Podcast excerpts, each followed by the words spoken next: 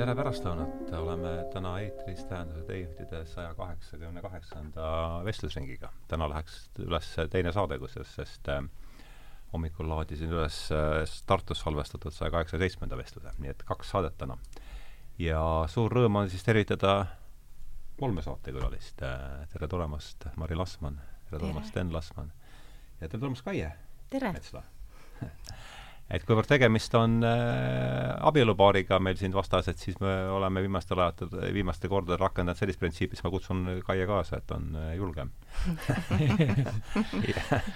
Et äh, et rõõm on teid siin äh, tervitada ja panin saatele pealkirjaks, töö pealkirjaks Kodumaine viis, mis on siis, viitab Eino Ellerile, kes on meid siia täna kokku toonud. Ja ja saate eeslugu on selline, et võts-, millal sa, Sten, võtsid minuga ühendust, see oli sügisel või? oli sügisel, ma usun küll, jah. millal, millal oli see festival? oktoobri lõpupoole.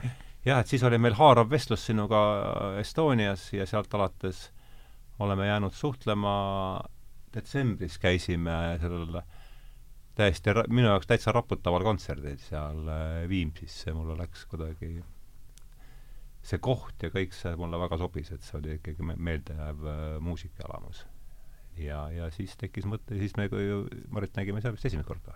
jah, seal me kohtusime. jah, ja siis tekkis see mõte ja nüüd siis kolm kuud hiljem siin me, siin me oleme, et äh, öelge enda kohta paar sõna tutvustuseks, et et te olete mõlemad ju saates esimest korda, et mm. siis vaatame, kus see jutt meid kannab. no nii, Mari, kas sina ütleksid esimesena Äh, mina olen äh, muusikaga seotud läbi Steni enamasti. Ja Heino Elleriga ma tutvusin Eesti Teatri- ja Muusikamuuseumis, kus ma töötasin äh, kuraatorina arhiivis seal ja seal ma tutvusin ka Sten Lasmaniga ja ma kuulsin, et Elder viis teid ju kokku vist, vist nii palju, kui Sten äh, seda pillas mulle paar lauset selle kohta. see oli tõesti nii, et Sten tuli muuseumisse ja ta küsis just seda fondi, kus olid Heino Elleri käsikirjad ja see oli M kolmkümmend kuus. kolmkümmend üheksa. kolmkümmend üheksa, no näed, aastatega läheb meelest. ahah no jaa, ühesõnaga ähm, ma tegelikult ju jah, õppisin Londonis siis, olin just ähm,, see oli mul doktoritöö kirjutamise viimased järgud, tulin äh, Ellerist tegid? Ellerist jah, ja mul ei olnud ka vist digitaalselt, toona ei olnud digitaliseeritud veel tervikuna arhiivid, et see on viimase kümnendi teema. ja seega ma tulin äh, tõesti midagi seal vaatama oma töö jaoks ja käsikirju ja siis, ja siis ähm, Mari oli seal, nägi mind esimest korda, ta igaks juhuks küsis, kas ma olen enne ka käinud seal ja kas ma tean, mida see tähendab, et on käsikirjad ja muuseum ja muusika nii et ei no see jah, nii, nii see oli, tõsi jah. aga mina siis ikkagi kõigele vaatamata olen pianist ja ka muid tegevusi on õige mitmeid, ka eelkõige Eesti Muusika- ja Teatriakadeemia vanemlektor ehk dotsent, ehk siis klaveri vanemlektor. olen ka juhendaja ja ka äh, loenguainete andja, nii et tegev, tegevust on palju. ja nagu Hardo mainis, siis möödunud sügisel ka festivaliga Klaver. see oli see ka, aga see ei olnud esimene kord sul ju? ei olnud jah, et sellega oli ka omajagu tegemist nii et eh, no Eestis on üldiselt nii, et kui um, on soov midagi teha, siis neid võimalusi on alati väga palju ja neid asju, mida peaks tegema, et see on meie ühiskonnas tavaline. et üks inimene, eh, ühel inimesel on siin ikkagi suurem jah, suur, suurem kaal, aga samas see on noh, see on selline ühest küljest see on ju väga viljastav, et tõesti, et kui äh, ega, ega mingisugused diplomid või eh, kraadid ei, ei aita, vaid lihtsalt see, et kui, kui on inimesel soov, siis peaaegu igal eri, igal alal saab tegutseda, sest lihtsalt seda inimesi on vähe ja tööd, mida, mida on vaja teha, on palju, palju. et see on üsna üldine. mulle meenub, äh, Juku-Kalle räägib ikka seda, kui talt oli keegi küsinud, CNN-i, ma ei tea, kas, kuivõrd see lugu tõele vastab ja kuivõrd, kuivõrd see mulle meeles on, aga et keegi CNN-i ajakirjanik oli küsinud ta käest, et mis on Eesti ja siis Juku Kalevi vastas, see on eri, eriti kallis keeleklubi midagi, et üks võimalus asja vaadata, aga Kaia, ütle sina enda kohta ka enda paar sõna, et sa oled küll mitmed, mitmendat korda sina oled, sa käisid Vanoga, Aini ja saates Agnega ja Aini Agnega ja Indreku ja Annaga. Indreku Annaga. veel kas jäi midagi veel vahele? ei, see on neljas või see on neljas saade, jah mm? ja jah, et mis ma enda kohta ütlen, et äh, ma alustangi võib-olla sellesama seltsi poole pealt mm. -hmm. et et kaks tuhat üheksateist oli siis see, kui ma, kui ma liitusin Edmund Burke'i seltsiga ja sellest ajast peale olen Hardoga siis kahekesi vedanud neid erinevaid asju. ja, ja kolm põhiteemat ongi ju meil leht, siis need saated ja, ja kaks kursusesarja. mis sai üks eile just läbi. eile sai üks läbi ja järgmine neljapäev algab teine. hakkab uus, jah. looduse tagasitulek. Ja noh, need ma ütlen nii palju mm, reklaamiks ka, et kõik need lehe, kõik see, mis me selle lehega ja kursustega ja nende saadetega teeme, et see, eks ma ise õpin sellest kõige rohkem ja see Ja, ongi ka alati olemas, väga võluv, et et äh, nende inimestega, inimestega kohtumised ja nende materjalide lugemised, et need ikka õpetavad tohutult. ja meil on ikka suur privileeg olnud võimalus seda asja teha nüüd ja siis koos juba läheb meil neli aastat saab täis sügisel, eks mm. -hmm. koos teha. no vot, ring on peal ja ja siis äh, hakkame pihta, hakkame pihta ikkagi Ellerist, kuivõrd töö pealkiri on see kodumaine viis, et ähm, kuidas teie sa- sattusite kumbki teist Elleri juurde? kes tahab alustada no Mari juba ütles, et ta oli muuseumis ja ähm, seal on see küsimus, et Eesti Teatrimuusika Muuseum on ju Elleri pärandi hoidja, ehk nende käes on ka Elleri autoriõigused, ehk noh, läbi selle Eesti riik. et üks väike osa Elleri teostest kuulub ühele saksa kirjastusele, aga, aga suurem enamus Ellerist kuulub Eesti riigile. aga kuidas see muidu, kas on need äh, siis omaste käes on ka üld-, üldiselt? tal ei ole järeltulijaid, sest Elleri äh, ei olnud lapsi ja tema õed minu meelest mõlemad kolisid Eestist ära, üks Ungarisse ja teise kohta ma isegi ei tea, ja vennal, vennapoeg oli, aga vot sealt ma nüüd ei tea, ühesõnaga Elleri lesk pärandas Eesti riigile mm. -hmm, aga no minul on see selline pikaajaline erialane projekt, mis algas juba noh, viisteist aastat tagasi. ehk ma tegelikult nagu ähm, magistritöö teemaks võtsin ühe Elleri teose, siis analüüsisin seda ja, ja sealt edasi noh, tuli võimalus teha doktoritööd Londonis.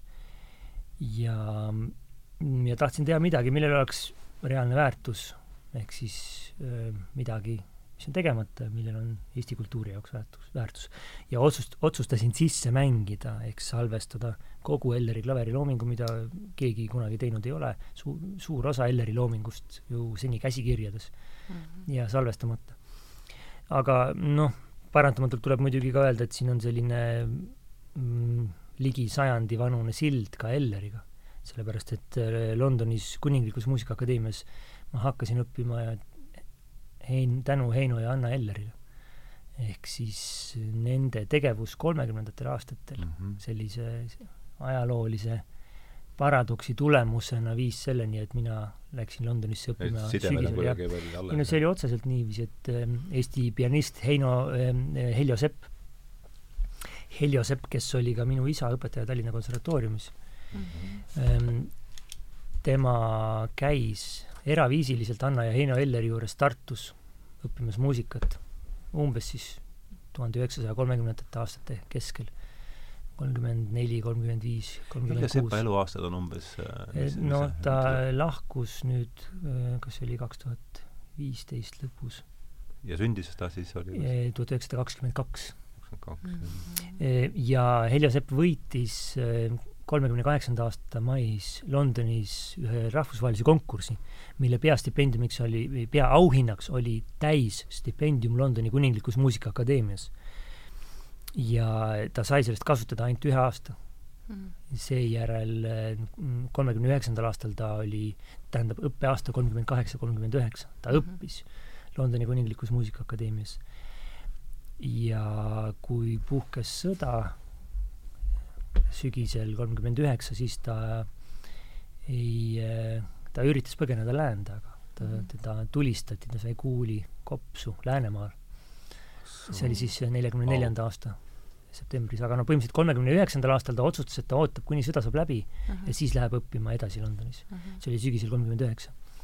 ja Heljoga ma olen sellest palju rääkinud ja mul on ka kõik meeles, kuidas tema seda sõnadesse pani, aga, aga jah, ta otsustas, et ta eh, Tallinnast eh, sõitsid kaks Briti saatkonna ametnikku eh, septembris tuhat üheksasada kolmkümmend üheksa Valka selleks, et küsida Heljo käest, kas ta tuleks Londonisse tagasi mm. -hmm. et nad ei saa garanteerida eh, turvalist reisi Londonisse, aga nad saavad garanteerida tema turvalisuse, kui ta saab, kui ta saabub Suurbritanniasse uh. -huh. ja Heljo otsustas, et ta ei lähe nendega. no see reis oleks olnud siis lennukiga üle Skandinaavia ilmselt mm. -hmm. oota, ütle kolmkümmend üheksa sügis, sügis.. no siis, kui sõda algas. ahah, sõda käis juba muidugi, jah eh, nii et ta otsustas oodata, kuni sõda läbi saab, et siis jätkata, aga, ja siis ta üritas neljakümne neljandal aastal põgeneda ja autoga nad olid Läänemaal teel siis noh, et paadiga põgeneda mm -hmm. septembri lõpus nelikümmend neli. Mhm. ja keegi kuskilt puu otsast tulistas autot mm. -hmm. ja Heljo sai siis kuuli endale kopsu, üks pool, pool sellest kuulist oli tal rangluu all kuni, kuni elu lõpuni ehm,. aga noh, ta pääses eluga ja tähendab, ta sai haavata, siis oli selge, et ta laevale ei saa minna, ta oli kuul oli kopsust läbi, ta jäi ühte metsatallu siis haavatuna, sügisel nelikümmend neli.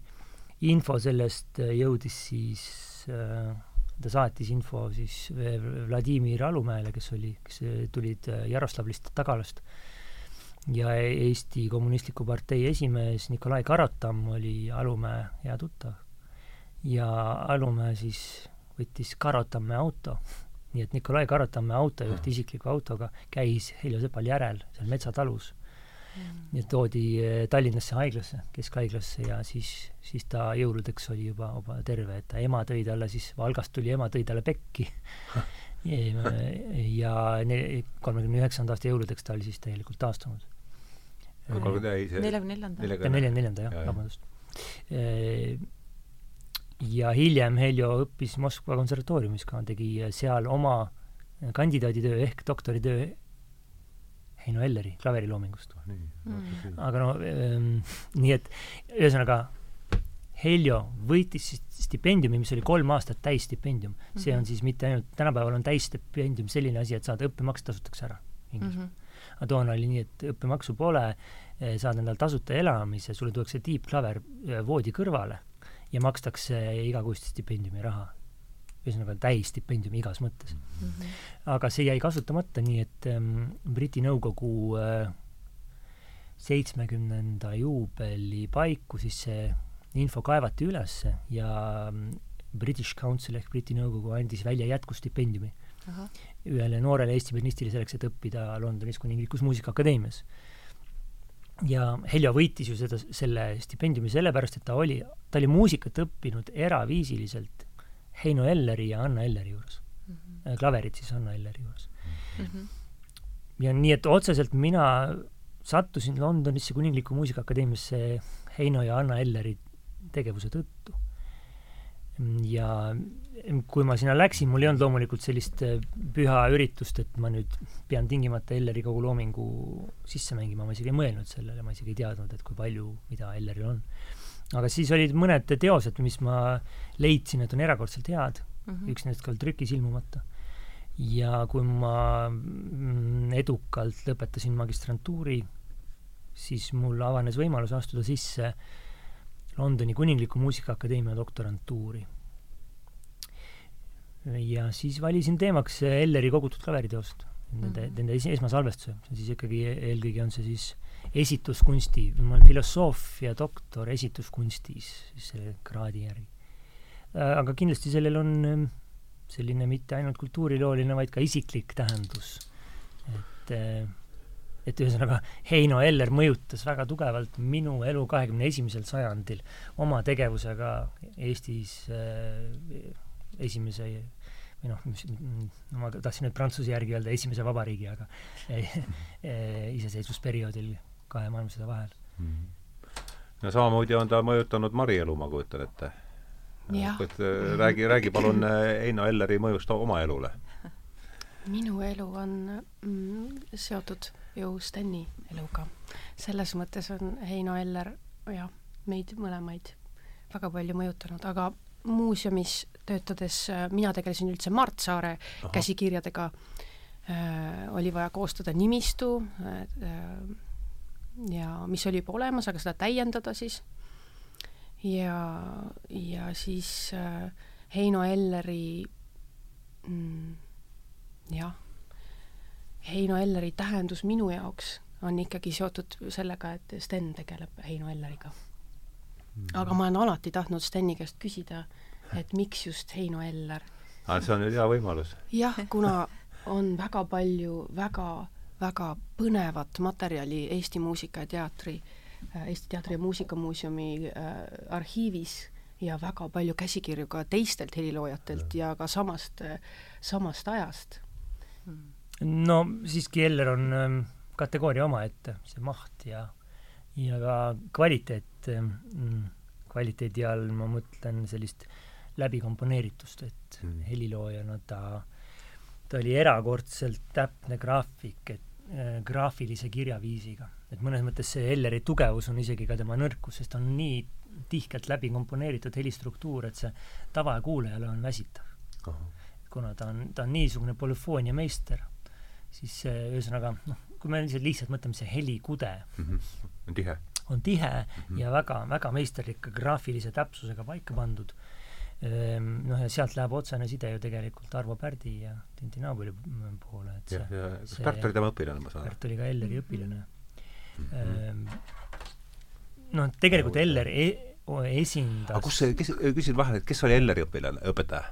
no ta õppis Peterburi konservatooriumis erinevate ta seal nii-öelda ühte nime sa ei tooks välja? no tegelikult sellest seal, seal oli üks Kreeka päritolu Vassili Kalafati, kelle juures ta õppis mm, -hmm. ja siis oli ka Steinberg, aga noh, tegelikult erinevalt Tobiasest, kes õppis Rimski, Rimski-Korsakovi juures lausa, et siis mm -hmm. Eller ei õppinud ei Glasunovi ega ka Korsakovi juures, kes olid nagu sellised suurimad Nad olid elus tol, tol ajal siis? Glasunovi juures õppis, eks ole, Šostakovitš ja, ja Korsakovi juures õppisid Stravinski ja Ja aga põhimõtteliselt äh, oli ta elus nii Rimski-Korsakov kui ka siis äh, Glazunov ei, Korsakov enam mitte, eks ta suri tuhat üheksasada üheksa, esimesel kümnendil. aga, mm, aga Glazunov oli jah, ja Glazunov ju tegelikult põgenes Pariisi ja mm -hmm. mis see Glazunovi eesnimi oli? Aleksandr Glazunov mm -hmm., pikaaegne Peterburi konservatooriumi direktor e, no tegelikult, kui nüüd lühidalt aga öelda, vabandust, et Eller äh, tõi kõrg professionaalsuse Eesti heliloomingusse, kehastas seda mm. -hmm. ja noh, võib ka öelda eelkõige Eesti instrumentaalsesse loomingusse, aga instrumentaallooming alati juba olemuslikult on rohkem läbi komponeeritud ja tihedam kui laululooming. ja Eller ju lausa ähm, suhtus teatava, ütleme, sellise äraolemisega kogu Eesti sellisesse laululoomingusse siis natukene põlastavalt patriootlike laulude kirjutajateks, kõiki neid, kes laulupeo jaoks midagi kirjutasid uh. -huh. ja tegelikult see esindas tema jaoks nagu harrastuskultuuri. Ja ta noh, see on, see on tegelikult ähm, Eesti kultuuri kontekstis, kus meil on ju ähm, nii äh, rahvalaulu traditsioon kui ka laulupidude traditsioon ähm, on niivõrd äh, kesksel kohal meie rahvuskultuuris, siis äh, et no on erakordne, et Elleril puudub praktiliselt igasugune side ja ta lihtsalt, tema jaoks see oli ähm, selline harrastustegevus ja ka tihti harrastustase ka just heliloomingu seisukohalt. aga no eks see oli, tegelikult ta ilmselt lihtsalt ei suutnud, tal ei olnud kontakti laululoominguga mm.. Mm. et mm. sina äh, kurtsid hommikul, et ei tea Ellerist peaaegu midagi, aga, aga tegid, uurisid natukene, et mis sulle kõrva jäi? Oh,? noh, see, kõigepealt see, mis ähm, Sten mainis juba, et, et Pärt oli tema õpilane. seda sa ütlesid mulle. aga mul, mul Elleriga, kui see mõte üldse tekkis äh, Ellerist rääkida või tegelikult see esimene kokkupuude Elleriga oligi sellel samal äh, Viimsi aatriumi kontserdil.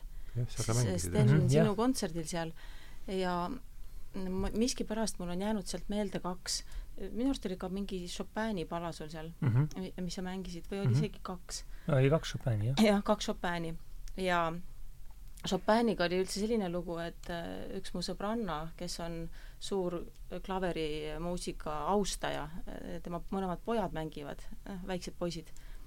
Nad olegi nii väiksed noh, jah, neliteist kuni kuusteist, jah. natukene aeg edasi läinud aga tema lihtsalt ähm, temal on kodus äh, Nõmmel klaver ja siis tal tuli selline mõte, et meie võiksime hommikul kahekesi, kui on need pimedad talvehommikud mm, -hmm. et mitte kedagi teist ei ole, et kõik on läinud ära kooli ja tööle. kas see idee sai teoks ka või? see sai teoks ka Aha, ja tegime Chopini hommiku.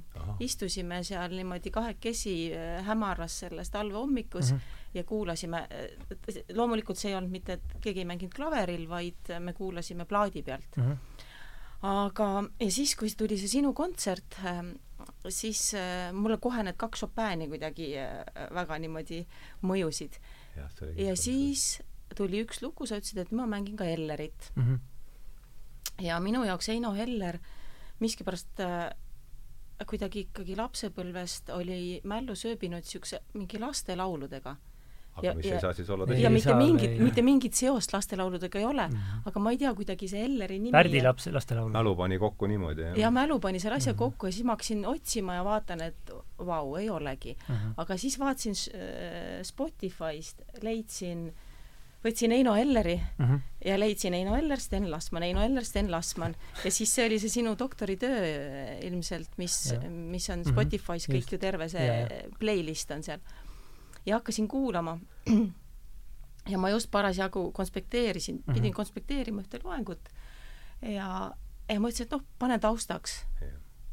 ja siis ma sain aru, et see ei ole taustamuusika. ei ole taustamuusika, jah et äh, see, see oli jah, kuidagi see Eller jõudis minuni niimoodi kohale. et ei ole taustamuusika? et ei ole taustamuusika ja., jah. ja noh, mis ma uurima hakkasin, mis ju Vikipeediast kohe esimesena välja jookseb et Anna, kes oli tema esimene abikaasa ju noh, mul kuidagi viimasel ajal need, need sõjakoleduste teemad, mis siin Teise maailmasõja ajal olid, et need kuidagi on noh, ka hinge läinud. ja noh, siis see, et see Anna ju vist koonduslaagris tegelikult hukati, et kuna ta oli äh, juut, on ju, et noh, see, see oli niisugune kurb. seda ei teadnud mina jälle, seda ma sain ja see, ja, ja ja, ja tema siis teine abikaasa oli vist tegelikult Anna ja, ja Heino enda õpilane või vähemalt Anna oli, oli küll, jah mm,. Ellu Eller, jah ja. kes eh, lahkus vist alles üheksakümne kuuendal aastal mm. -hmm. no tegelikult on seal isegi nii e-, Elleriga, et eh, neljakümne teise aasta suvel Anna Eller kutsuti Tallinnas politseijaoskonda mm. -hmm. ja noh, seal on ka see küsimus, et neljakümne teise aasta suvel, ütled, jah?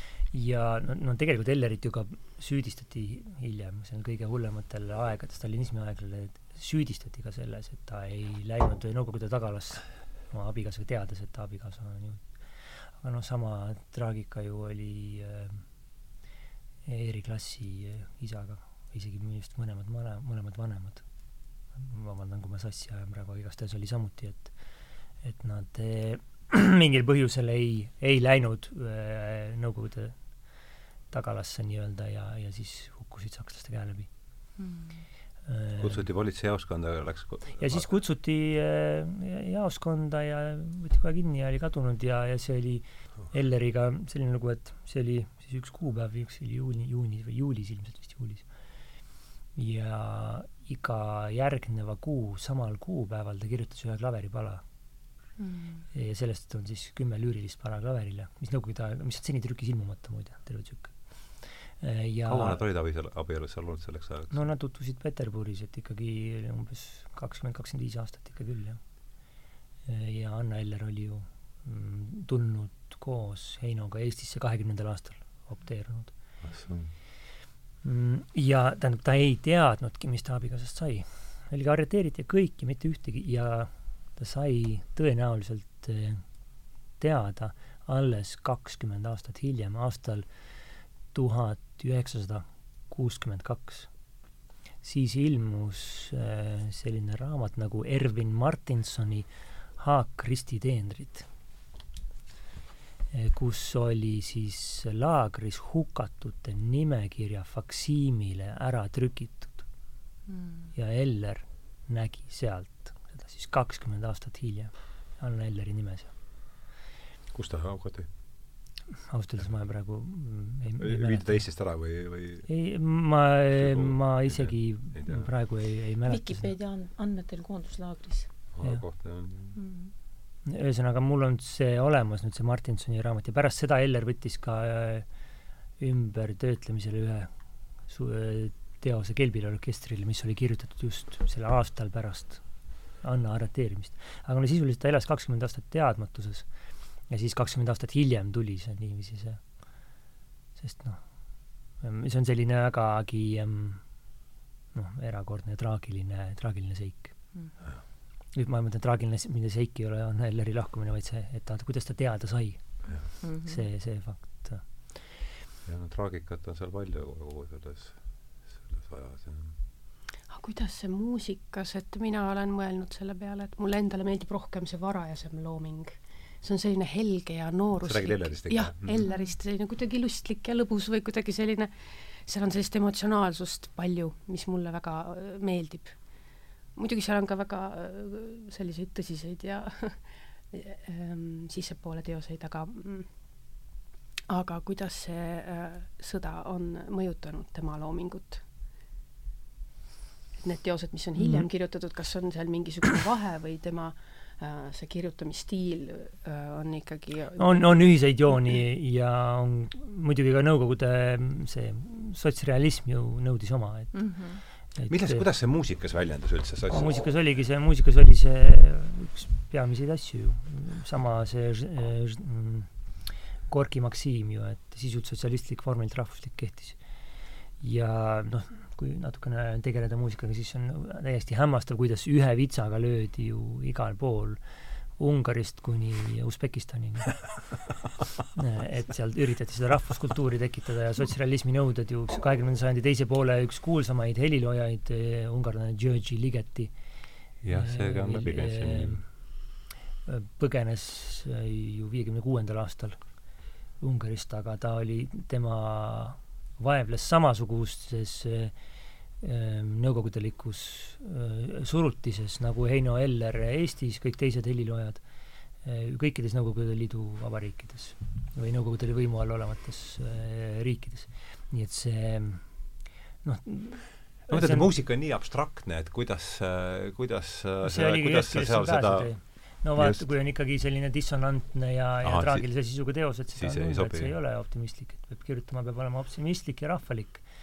Aga noh, instrumentaalmuusikas on pea, pääsetee see, et kui ta on natukenegi rahvalik, et siis seal ju sõnu ei ole, eks. -hmm. siis noh, saab jätta noh, Šostakovitši puhul on see ju niiviisi, et Šostakovitš pidi ka ju hakkama noh, kirjutama muusikat, mis kas või näiliselt rohkem selle sotsialismi äh, dogmaga kokku läheb mm. -hmm aga ma saan aru, et see varasem Heino Elleri looming jäi ikkagi ette väga paljudele, et ma mäletan sellist lauset nagu formalismi lehkav pärm see on legendaarne, need olid kõik äh, tavalised, tavalised lööklaused, et see formalism oli siis see, millega formalismi lehkav pärm või mm? -hmm. no Eller oli ju tegelikult äh, kahekümnendatel, kolmekümnendatel aastatel Eesti esimodernist muusikas. Ja üks teekond oligi see kuidagi, et kusagilt ma lugesin, et äh, sädelevast modernismist, modernistist ma ei tea, kus, kus see nojah, aga viiekümnendateks aastateks ta oli juba rahvuslik vanameister. jah, täpselt, midagi sellist oligi, jah, jah.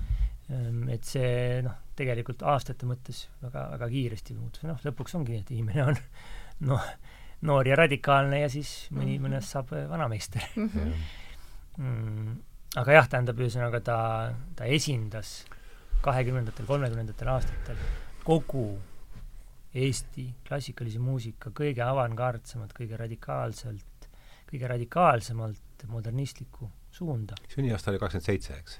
kaheksakümmend seitse.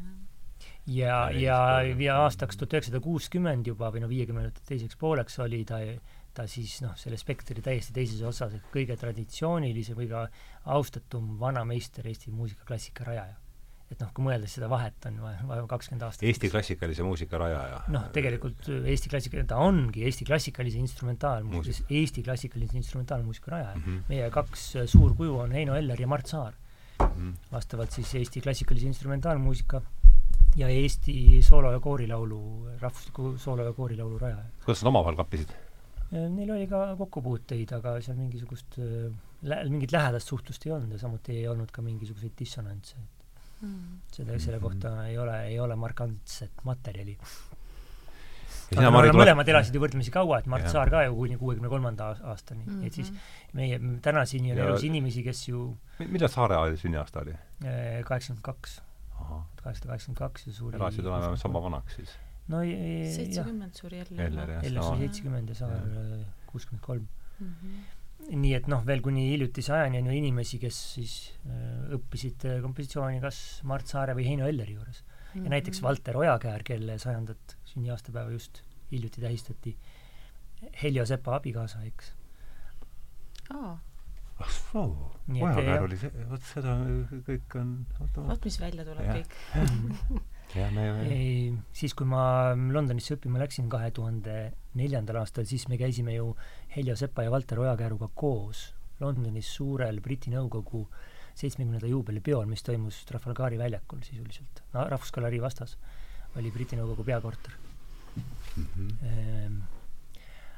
Valter õppis ju nii Mart Saare kui ka Heino Elleri juures. ja Eesti muusika Grand Old Lady Ester Mägi õppis Mart Saare juures.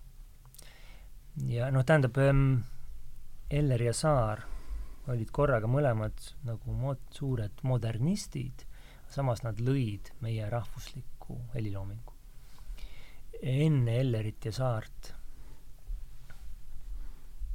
äh, tähendab, tuleb kindlasti mainida veel Artur Kappi ja Artur Lembat, kes olid ka mm -hmm. väga viljakad heliloojad ja väga head heliloojad ja ka Rudolf Tobiast. jah, ma just tahtsin küsida, kuidas Tobias sellesse, sellesse skeemi sobib? no Tobias või, või, või Tobiase helikeel on, on siiski puhtalt hilisromantilises, saksa hilisromantilises vormelis ja sealt noh, seal on selliseid lihtsaid rahvamuusika töötlusi ka Eesti e, e, Eesti rahvamuusika käsitlust, aga, aga siiski oma väga Tobiase helikeeles rahvuslikkust näha on ikka väga suur pingutus. Aga Elleri ja Saare puhul jah, nad olid korraga, nii nagu Eesti riik oli väga noor ja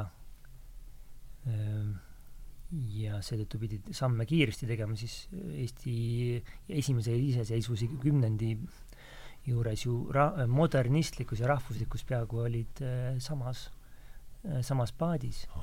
ja selle kohta on ju suurepärane, kõige parem näide on Riigikogu hoone. sellest on suurepärane saade, kus Mart Kalm räägib, see on siis, see on esimene saade Eesti Televisioonis ar-, Eesti arhitektuuri pärlitest mm. -hmm. see oli eetris kas pool aastat tagasi ka. seda saab tõenäoliselt järgi vaadata ka.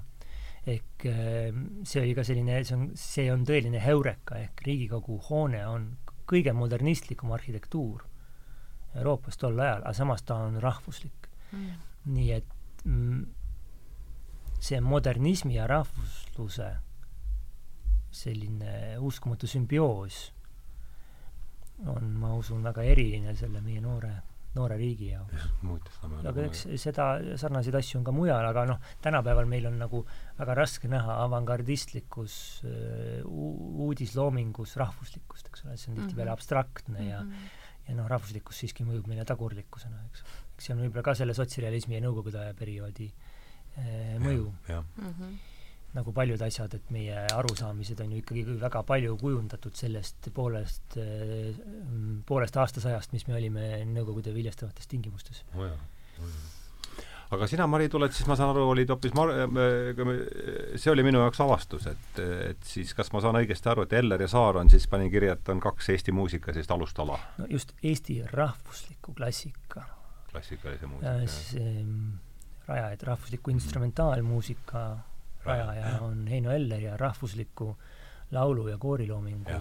rajaja. muidugi Saare kõrval on, on ka Kirillus Kreek, aga noh, Saar on, noh, see on kategooria võrra lihtsalt, need kaks on meie nagu rahvusklassika rajajad, Eller ja Saar. Mm. -hmm aga sina, ma sain aru, sa olid siis pigem, olid Saare hoopis selles, et olid äh, teise, teise samba, teise samba juurest. Et kuidas sina, kuidas sinna saareni jõudsid, kuida-, või kuidas, kuidas sa üldse jõudsid äh, sinna, et te saite Steniga tuttavaks, kuidas kuidas sa jõudsid muuseumi?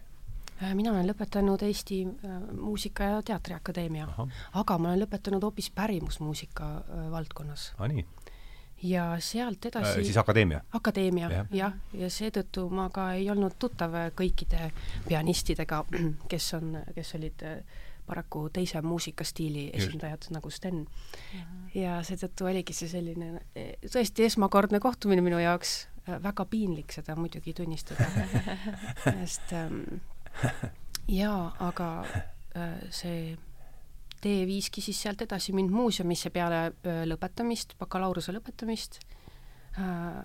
Mind soovitati sinna tööle ja direktor, kes seal oli, oli nõus mind võtma ja nägi, et ma olen väga huvitatud ja väga edasipüüdlik ja, ja, ja siis äh, nii me Steniga kohtusime seal tõesti, aga jah see mm, ei olegi tegelikult kõik selles mõttes minu ja muusika, kui rääkida minu suhtest muusikaga või muusika tegemisest, sest nüüd ma töötan üldse sotsiaalvaldkonnas, et ma ei ole enam muusikavaldkonnas tegev äh, pärimusmuusikuna, vaid ma olen õppinud mõnda aega juba äh, klassikalist laulu. ja see on tulnud ka seetõttu, et Sten kogu aeg kodus klaverit mängib mm, -hmm. harjutab ja ei, ma ei mängi kodus üldse ma harjutan. harjutab õige, jah.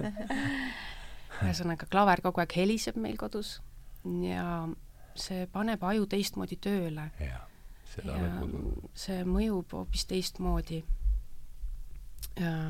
kui sa seda pidevalt kuuled. see on nagu mingisugune kool mulle olnud need äh, viimased kümme aastat ja sealt on tekkinud minu huvi ja ma olen hakanud muusikat hoopis äh, teistmoodi kuulama. et ma olen saanud mingisuguse, võiks öelda nagu muusikalises mõttes mingisuguse uuesti sünni või mingisuguse kultuurikava mm -hmm. läbitud no tegelikult on see see tööprotsess lihtsalt, et ähm, võib-olla seda ei, ei kujutata ette laiemalt, aga no ma enne ütlesin siin niiviisi humoristliku repliigina, et ma kodus ei mängi, aga tähendab, klaverit nagu kodus mängivad harrastajad kodus emale mängib. see on just väga huvitav, et kuidas Sten ma... harjutab. Mm. et äh, ta võtab selle väga keeruka teose äh, ja ta harjutab seda väga aeglaselt. see ei ole nagu nii, et mitte väga aeglaselt, tegelikult see on aegluubis, eks ole. aegluubis ja ah, siis, kui ma kuulen hiljem seda kontserdil, mul nagu see ajus kogu aeg, mu aju töötab sellega uh, -huh. iga noodiga, nagu Sten ka seda kogu aeg mängib. ja kui ja ma teistmoodi, eks ole. see on selline heureka, nagu mingisugune süsteem on kokku jooksnud, et see on jaa. kokku jooksnud, kokku jooksnud on. kokku, kokku saanud, õige jah, kokku saanud jah. tervikuks nagu saanud. just. ja selle liiderliku skandaalist ei ole veel aru saanud, ma püüdsin kellegi käest uurida mina ei ole, Kaie on mind valgustab nende skandaalide osas, tundub olevat. ja. no, nojah, tähendab ähm, noh, tegelikult no ma seda juttu nagu ähm, räägin ähm, tihti, aga see oli nii, nii värvikas, et suvel ühes, olin ühes Eesti, see oli vist esimene suvi, kui me koos Mariga Eestis olime või? vist isegi oli. pärast Londonit siis? ja, ja. mis aastat olid Londonis? Mm, kaks tuhat neli kuni kaks tuhat kolmteist mm. -hmm. ja ma olin vist natukene, paar nädalat isegi eemal olnud pillist ja hakkasin siis ühes Eesti väikses kohas muusikakoolis mm, vaikselt ennast vormi viima mm. -hmm. seal olid ka ehm, kohalikud poisid, kes bändi tegid ja siis me seal jagasime kõigil, meil oli siis muusikakoolile ligipääs ja ja nemad lõpetasid oma bändiproovi seal ja tulid mul ülesse, kus ma siis äh, saalis äh, klaverit näppisin ja ilmselt kuulasid ja ütlesid, kuule, kas sa noh, jääd siia või et paned signa ise? ma ütlesin jaa, jaa, no pole, pole mõtet, noh, me elame ära, ma ütlesin, minge jah, ma panen signa. ja siis hakkab ära minema, siis küsib, kuule, ma vaatasin, sa seda klaverit näpid, et sa, mis sul on nagu mingid plaanid ka muusikaga, tahad õppima minna või midagi? sa olid oma aegklubi vari-? ei no ma mängisin Heli Redel tegelikult just Aha. pärast veel, pärast nagu pausi ka, et siis mängid tegelikult Heli Redelit aegklubis. noh, nii aeglaselt, et noh, et eelkooliealine laps põhimõtteliselt võib kiiremini mängida noh, ta täiesti see jääb mulje, et ta lihtsalt katsub pilli ja siis, kui inimene, kes ei aru ei saa või ei süvenenud, ja siis noh, ja oligi mulje see, et, et noh, et ma lihtsalt niisama istun seal midagi, katsun klaverit, noh tõesti, et keegi, et mingisugune keskealine siis ähm, tegelane lihtsalt istub ja katsub klaverit. aga mina tegelikult äh, taastasin pianistlikku vormi.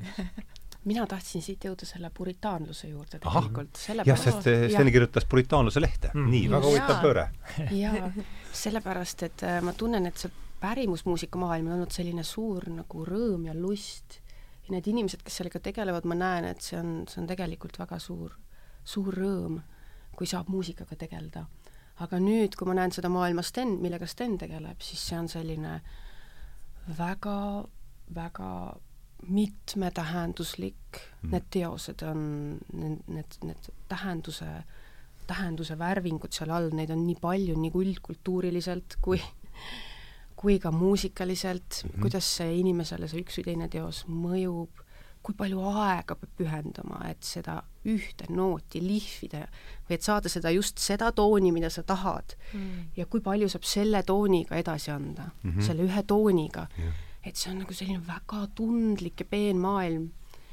ja, ja mul on nii suur rõõm, et ma olen sellest osa saanud, aga nüüd see puritaanluse külg sealjuures ma tahaksingi küsida, et kui suur puritaan sa ise oled ja vot Heino Elleri koha pealt just, et kui suur tema on ja et kas saab nagu ühte asja teha, kuna klassikalise muusika puhul või just sellise mm, jah, selle muusika puhul, kunstmuusika puhul võib öelda. nojah, kunstmuusika. no Eller oli lauspuritaan, et ma ütlesin, et ta ju ei ta ju oli täiesti eemal meie laulupeokultuurist mm. -hmm. tegelikult, kui olla helilooja, siis kõige lihtsam asi tunnustuse ja, ja ka majandusliku sellise igakülgse läbilöögi suunas oleks ju kirjutada üks hitt laulupeole mm. -hmm. seda, kui kõik koorid laulavad, kõik koorid ostavad mm, -hmm. tuntus ja tunnustatus ja kõik on, aga Eller ei teinud seda kunagi mm. -hmm. sellele vaatamata tema elu suurim triumf oli laulupeol, siis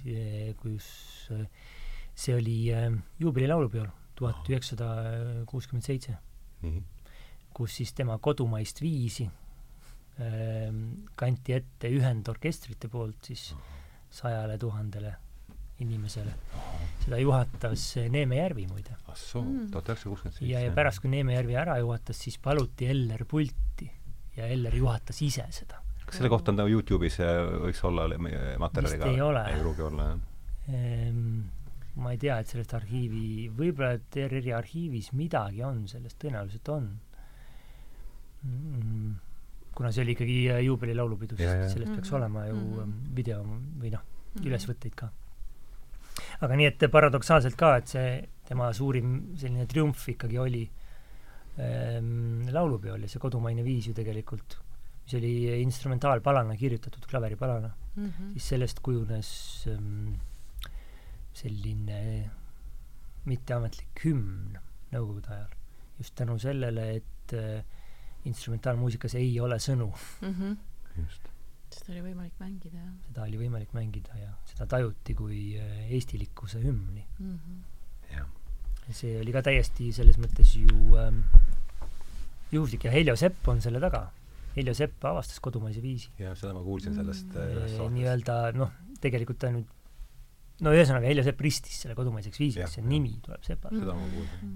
Elleril oli see lihtsalt pala, Eller ei kirjutanud seda, kirjutan kodumaise viisi. ja Sepp soovitas, et see võiks olla kodumaine viis ja nii, nii see jäi. ta soovitas veel mõnele klaveripalale kodumaise viisi, nendele paladele see külge ei jäänud mm. -hmm. ja muidugi Heljo Sepp ju tegi oma tööd Ellerist Moskvas kõige hullema, mm, kõige hullemal ajal, hilisstalinistlikel aastatel, kui see kult-, kultuuriline repressioon või formalism, jaht formalistidele oli täies hoos. noh, siin Eller ja isegi Alumäe vist, Eller ja Sepp, minu meelest mõlemad olid isegi Siberisse saadet äh,, saatmise nimekirjas. Neil õnnestus seda ikkagi vältida. äh, jah, ilmselt nad pääsesid siiski. kas see Koit on hiljem kirjutatud? samal aastal mõlemad, tuhat üheksasada kaheksateist aga need on algversioonid. Aga Koit oli tuhat üheksasada kaheksateist, tegelikult on siin selline väga, kuidas nüüd mõelda, Eller kirjutas oma kaks tuntuimat teost, Kodumaise viisi ja Koidu aastal tuhat üheksasada kaheksateist. et kunagi, nüüd mul tuleb meelde, oli nii, et äh, issand, kes see mulle just seda rääkis, et nõukogude ajal lausa, kes oli kultuuriminister nõukogude ajal, issand, see oli nüüd ähm,, mul ei tule meelde, kutsus kellegi enda juurde välja ja küsis kas sellel on seost midagi Eesti iseseisvusega, miks Elleri Koit ja Kodumaine viis on kirjutatud tuhande üheksasaja kaheksateistkümnendal aastal? küsis, kutsus kellegi muusikategelase välja ja siis, siis ta ütles, ei, ei, sellel ei ole seost. juhuslik. minul tuleb seoses selle Mari küsimusega meelde, kuidas see oli vist Rauni sünnipäeval, keegi selgitas mulle, et mis on vahe puhkpilliorkestri ja pasunakoori vahel. et puhkpilliorkester al-, alustab pillide häälestamisega, aga pasunakoor mängib puhtast rõõmust et see jäi, see jäi mulle meelde kuidagi. kuigi mina just äh, tahaksin öelda, et iga muusikastiil on väga omal kohal. just nimelt. selles mõttes, et äh, jah, aga lihtsalt saab nii erineval, erineval viisil seda teha ja ma olen mõelnudki, et kas on võimalik, et mingisugune kunst, mis on väga, mis nagu, mille eesmärk on olla äh, püüelda kõige kõrgema täiuse poole. et kas ta saab olla kuidagi vähem puritaanlik? nojah, see on õige küsimus, see on, see ongi põhiline küsimus, et mida see mm, noh, selline ikkagi väga tugev enesedistsipliin ja piiride seadmine on, ähm, on ju igasuguse suure meisterlikkuse aluseks. täielik pühendumine mm -hmm. ja väga selgete esteetiliste piiride tajumine mm. -hmm. Yeah. samas ma ise töötan sotsiaalvaldkonnas ja tegelen sellega hetkel, kuidas äh, inimene saaks võimalikult kaua töötada ja kesta. ja paraku puritaanlus on üks kõige halvemaid, üks nendest, mis aitab inimesel väga kiiresti läbi põleda et selles mõttes aga kuidas, see on, see on huvitav pööre vestlusesse, et ja, ja, ja aga et kuidas, noh, puritaanlus on ka niisugune sõna, eks, et ta tahe, tähistab siin mitut asja, et et püüaks nüüd selle, püüaks ta nüüd selle vestluse jaoks konkretiseerida, et kui sa räägid, Mari, praegu sa tõid selle teema sisse, et mida sa mõistad, kuidas sa selles kontekstis ähm, ilmselt esteetiline puritaan. ja just, just jah, et kuidas? Samas ka religioosne. äh, ehk et äh, on, on üks sulle, on üks selline püha, püha valdkond mm -hmm. ja on väga selge arusaam, kuidas seda tuleb teha mm -hmm. ja neid reegleid ei tohi rikkuda mm.. sest et siis ei ole kõige kõrgemal tasemel mm. -hmm. ja sa pead pidevalt vaeva nägema, et nendeni jõuda, justkui nagu salgama mõneti iseennast, oma inimlikkust, aga samas no, läbi selle sa saad justkui nagu ja. inimlikumaks, see on nagu selline väga omapärane. no kontrapunkti reeglid ja Eller ju õpetaski selles mõttes kõige rangemas mõistes kontrapunkti, et kuidas ähm, kontrapunkti ehk polüfoonia kunsti, kuidas komponeerida meisterlikult mm. -hmm. katsu meile niimoodi, meile kahele, kes me ja ühes selle, ühes läbi meiega siis laiemalt, et kas see kontrapunkti mõiste kuidagi niimoodi tuua katsu meile seda selgeks teha, et mis, mis too on ähm,? no see on siis punctus contra punctum, eks. ehk siis ühele noodile vastab teine. see on siis loogilisuse, reeglipärasuse selline kogum ähm, helikunstis, komponeerimises. ja see tuleb ju juba, juba ammustest aegadest. ka renessanss polüfoonia oli ju reglementeeritud mm. -hmm. see on siis häälte ja nootide kirjutamise selline head reeglid või noh, ütleme tegelikult reeglistik. reeglistik mm., muusika, muusika kirjutamise reeglistik. muusika kirjutamise reeglistik kõige mhm. lihtsamal mm -hmm. viisil mm. -hmm. ja viimased kolmsada aastat paljuski, noh näiteks on äh, selline kontrapunkti õpik, polüfoonia õpik nagu Gradus ad Parnassum, mille kirjutas Joosep Fuchs ja see ilmus aastal tuhat seitsesada kakskümmend viis. tuhat seitsesada kakskümmend viis? ja just praegu, täna lugesin kes oli Joosep Fuchs või? jah, Fuchs, jah mm. -hmm. Fuchsi Gradused Parnassum ja see on kehtiv tänapäevani ja kasutusel kontrapunkti õpetamisel mm -hmm.. uskumatu. nagu nimetage mulle palun mõni õpik mingis valdkonnas, mis oleks kirjutatud kolmsada aastat tagasi majandusteooriast mul ei tule ühtegi ei no. No distsipliinigi polnud, eks ole. mis oleks täiesti eh, kasutusele kehtiv eh, tänini, kolmsada aastat varsti saab täis siia selle ma, need no jaa, sellepärast, et see meie klassikaline muusika, see Fuchs on sama, see on ju samal ajal, kui Johann Sebastian Bach, Bach kirjutas. Mm, -hmm. ja tegelikult see selline Bachi muusika ongi aluseks kogu hilisemale esteetilisele helikunstile. mm. Ja Fuchs on võib-olla siis lihtsalt see mm, Bachi ajastu teoreetiline kvintessents mm. -hmm.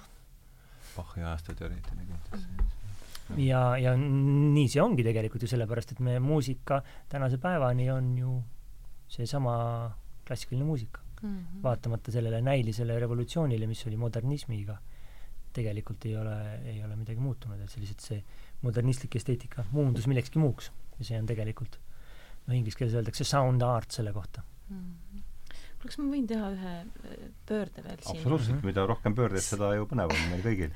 ei, ma, mul on lihtsalt mitu korda kõrva jäänud, et Mari sellest päris, pärimusmuusikast äh, räägib. jaa, mul jäi see kõrva. silmade särades ja suure rõõmuga, et et kas see, et sa õppisid pärimusmuusikat ja kas see tähendab seda, et sa õppisid ka mingit pilli kon-, äh, konkreetselt? viiulit. viiulit, viiulit., jaa aga siis on ju teil niisugune vahva pereansambli äh, äh, moment ka siinjuures, et üks mängib klaverit ja teine viiulit. ei, ma enam ei mängi viiulit.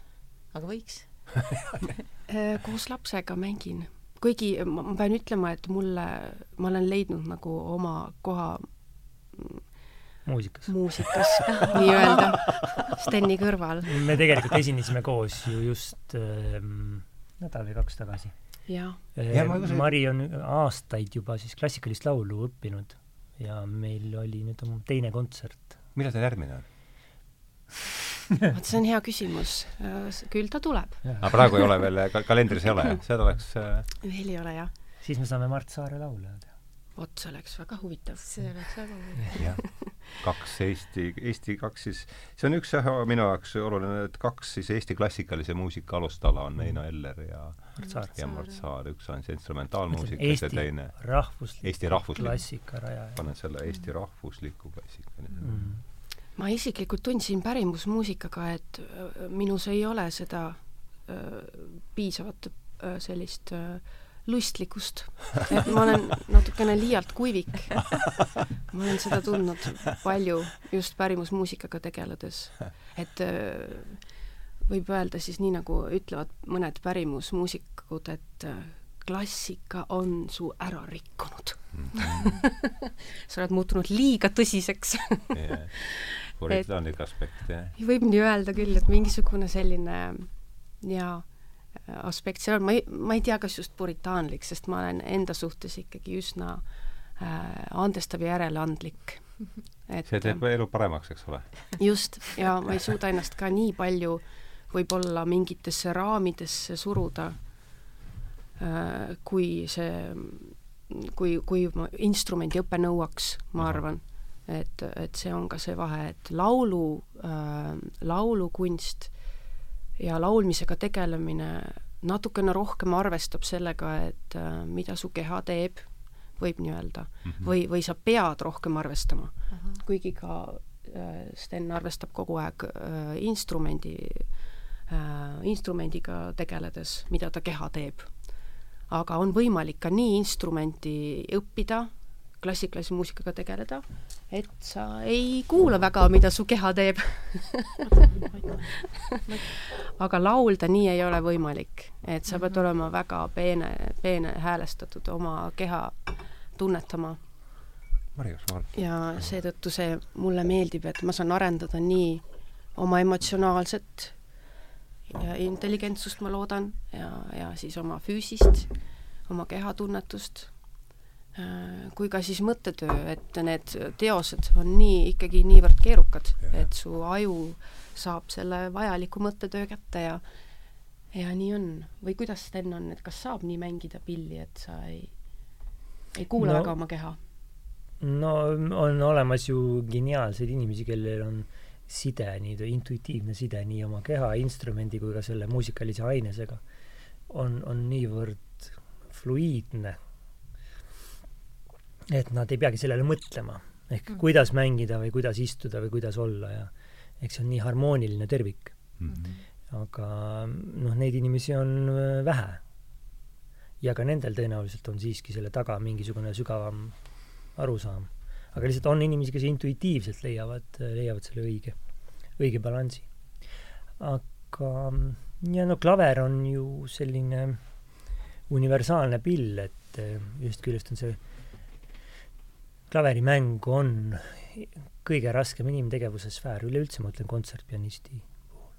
sest see hõlmab niivõrd palju erinevaid äh, asju, see on ühiskonnas, on see neuromotooriline, ütleme, väga-väga peen tegevus mm, -hmm. siis on intellektuaalne, analüütiline ja, ja ka hingeline mm. -hmm. samas selleks, et esineda, see nõuab ka selles mõttes, see peab olema nagu teatraal. närvi peab ka olema. noh, no mitte ainult närvi, aga see peab ka olema see, et noh, see, et et, et sa just nüüd inimestele äratad selle muusika ellu mm. -hmm. et noh, see kombine-, kombinatsioon, mida nõuab ähm, just ähm, klaverikunst äh, solistlikul tasemel, tipptasemel klaverikunst, ähm, ma olen täiesti veendunud, et äh, ei ole ühtegi asja, mis oleks äh, võrdväärne sellega.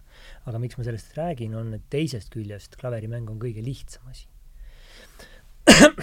laulda ei ole ju võimalik ja enamus pille ei ole võimalik mängida üldse, enne kui aastaid ei ole õppinud.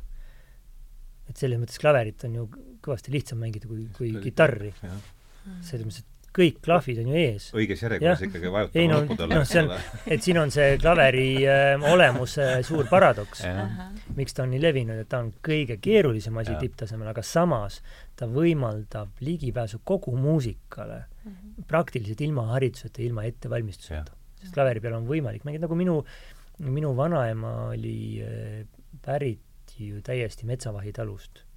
ehk minu isapoolne?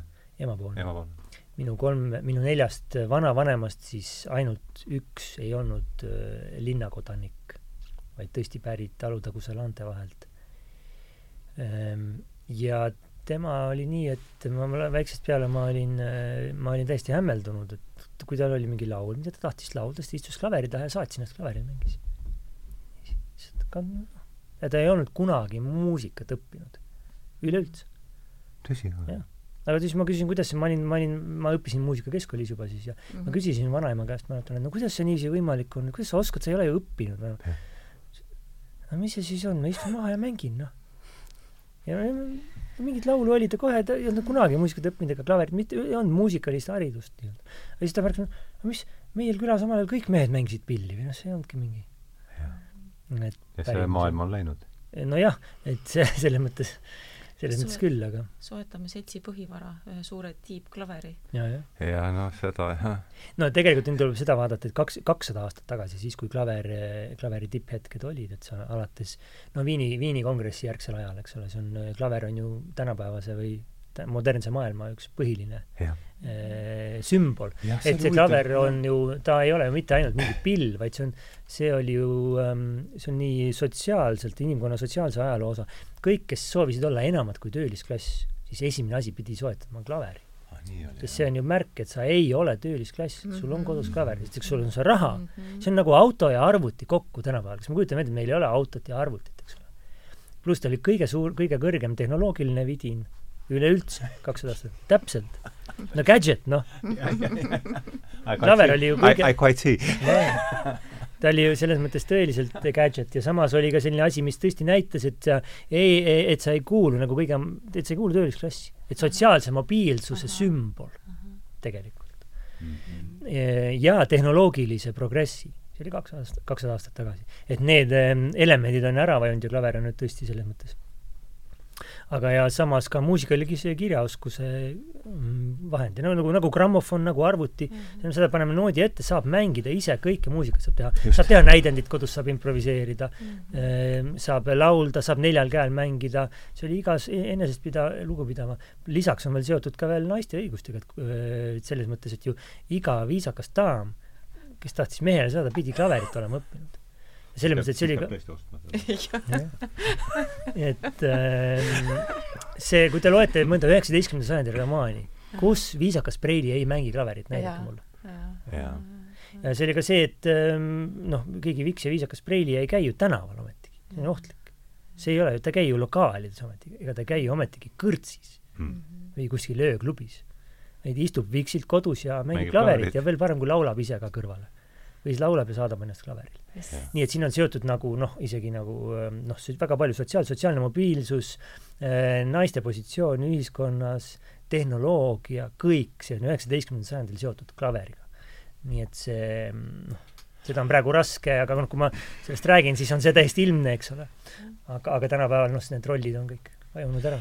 aga ütle nüüd klaver ah,, vabandust, sa tahtsid ei, ma ütlesin, et see kujutluspilt, et kui Sten räägib, siis tekib kohe selle, nende naiste kujutluspilt silme ette, et samamoodi nagu Viivi Luik, pikad veidid ja, Ja, ja. Turgenevlikud Preilid. preilid ja Viivi Luik Preilid esitles oma seda viimast raamatut just hiljuti ja seal ma lugesin üks essee on Turgenjevlikud preilid.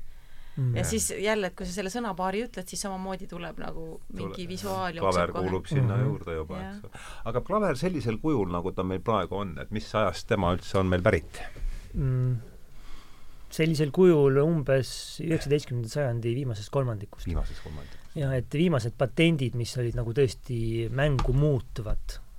mis need olid? Midagi seal teras, terasraamiga mingi keeles, ma Ahah. täpselt praegu see, ma, ma jään see- vastuse võlgu. aga see oli umbes, umbes täpselt äh, siis, kui Saksamaa ühendati ehk tuhat kaheksasada seitsekümmend. no ei noh, ütleme ähm,, klaver saavutas oma tänapäevase olemuse üheksateistkümnenda sajandi viimaseks kolmandikuks. ehk siis Chopin ja Schumann ja Liszt nende ajal veel ei olnud, et see, tegelikult Malmist klaveriraam on ju, see peab olema tohutu know-how ja tööstuslik met-, metallivalu Mhm. ja see tehnoloogia veel ei olnud, et järk-järgult, järk-järgult see niiviisi tuli. aga kuidas te selle, nüüd näiteks selleks kontserdiks valmist-, valmistute, et noh, kui te tegite koos kontserdi, Sten mängib aegluubis kodus neid ei no see on klaveri sooloteoste puhul, tegelikult see ei ole. et noh, klaver on vähe teises rollis ja klaveri saatmine on midagi muud kui solistina esinemine. no ma enamasti ma noh, kammermuusika on peenkunst, aga tippvormis kontsertpianisti kammermuusika on siis niimoodi klaver ja ei no hääl. kammerlaul, ütleme ei, vabandust, kammerlaul, mm. -hmm. kammerlaul on klaverhääl. kammerlaul on peen, peenkunst, aga tippvormis kontsertpianist võib minna enamasti otse lavale. võtab noodi kaasa, lauljaga läheb. Kui ta on ka repertuaari veel ka tunneb, et noh, see lihtsalt see sooloesinemistega võrreldes see energia ja maht ja töömaht ei noh, see ei ole võrreldav. noh, on muidugi väga keerulist repertuaari, näiteks Rahmaninovi laulud, et seal on tõesti sellist noh, kontsertpianistlikku tipp, tippu, aga aga enamasti need on noh, sisuliselt kui noh, kellel on veel hea noodist lugemine, need on noodist loetavad. Mhm. ma panen noodi ette ja no ma pean võib-olla paar korda läbi vaatama, mõned kohad läbi vaatama, aga Mhm. põhimõtteliselt ma mängin kohe noodist ära. Mhm. aga, aga Mari on noh, teinud tööd aastate viisi, ma olen ähm, väga uhke ja rõõmus Mari üle, sellepärast et tal tõesti ta on väga, väga eriline tämber Mm. ja ta on ähm, järk-järgult nüüd palju, kolme-nelja aasta jooksul ikkagi omandanud klassikalise laulutehnika vundamendi ja me esinesime, esin-, esinesime esimest korda möödunud suve lõpul. ja mis see kava oli? noh, igasuguseid laule oli seal. ja seal oli Mart Saar. Mhm. ei, aga nüüd kava seekord või esimesel kontserdil? no kõike, noh, baroki aja, baroki aariaid oli eh,, Mhm. vokaalsuurvormidest aariaid, noh, Dvoržaki Stabat Mater, mis talle väga sobib ja Mhm. mm, Ja ja siis oli midagi Bachi- ooperirepertuaaris, Bachi oli, Hendelit, jaa, Vivaldi Vivaldi oli mm.. jaa. jah, aga ma arvan, et see muusikaga tegelemine tegelikult või loominguga tegelemine või heli loomine on inimesele kuidagi omane. et äh, on ikkagi väga puritaanlik väita, et sellega peaksid tegelema ainult valitud inimesed. et ma et see on nüüd see purita-, negatiivne puritaanlus, eks ole. just, Mhm. Et et juba on algusaegadest oli just nimelt ka sellel sõnal on positiiv ja valgus ja vari, eks see on väga-väga oluline seda no tegelikult seda kunagi ei ole, sest seda spetsialiseerumist ei ole olnud, ei ole olnud ju enne, kui see tuli kõrgmodernismi ajal, see kogu arusaamine üldse tippkunstist või sellisest eliitkunstist, see tuli ju tegelikult pärast teist maailmasõda, kui see kunstmuusika muide ka täiesti ideoloogilistel kaalutlustel, nii nagu Nõukogude Liidus oli sotsrealism, oli täielik ideoloogiline diktatuur. Samasugune ideoloogiline diktatuur oli muide kogu läänes. seda, see kõlab väga usutavalt, aga see, seda, seetõttu põnevalt ehm, ja ehk siis ainuke muusika, õige muusika saigi olla, kuna Natsi-Saksamaal ja Nõukogude Liidus oli lihtsustatud muusika, ehk siis pidi olema eh, selgesti mõistetav, harmooniline ja Aha. väga klassikalistel alustel muusika, seda ideoloogiliselt suur, survestati niiviisi nii,. ehk siis keegi, kes kirjutas modernistlikult, siis see oli noh, riigi vaenlane, eks ole mm. -hmm. aga samas, ja see tingis jälle ka selle, et läänes hakati siis täiesti abstraktset, helikunstist täiesti võõrdunud matemaatilist noh, ebainimlikku kakofoonilist sa rääkisid Schönberg, Schönberg ja seda, seda Schönberg oli jah, varema Schönbergi nii-öelda leiutatu siis võeti püünel ja viidi maksimaal, viidi absoluudini. ja just selle viiekümnenda aasta paiku. mis seal need nimed oleksid, ütleme, selles suunas? väga lihtne, need on äh, Boulez, Stockhausen, Xenakis mm. -hmm. Stockhausen. ehk siis tegelikult müramuusika või müra, mürakunst mhm. mm. -hmm. et muu-, selline muusika, kus ei ole muusikaga midagi, mis meenutaks muusikat. ei Oleks... ole meloodiat, ei ole bassi, ei ole harmooniat, eh, noh, tegelikult nagu abstraheerunud täiesti mm. -hmm. ja see Boulez, Stockhausen, kes oli kolmas? Xenakis. Xenakis. X-iga. Et nende puhul see jõudis täieliku abs-, absoluudini. ja tähendab, see oli paralleelselt äh, niiviisi. kuidas me selle nüüd jõu-, selleni nüüd jõudsime äh, kuidas me vaatame muusika ei peaks olema ainult valitute jaoks. ahah, ühesõnaga puritaanlus ja, ja ikka puritaanlus ma just, ma, nüüd mul tuleb meelde, ma tahtsin midagi tähtsat öelda.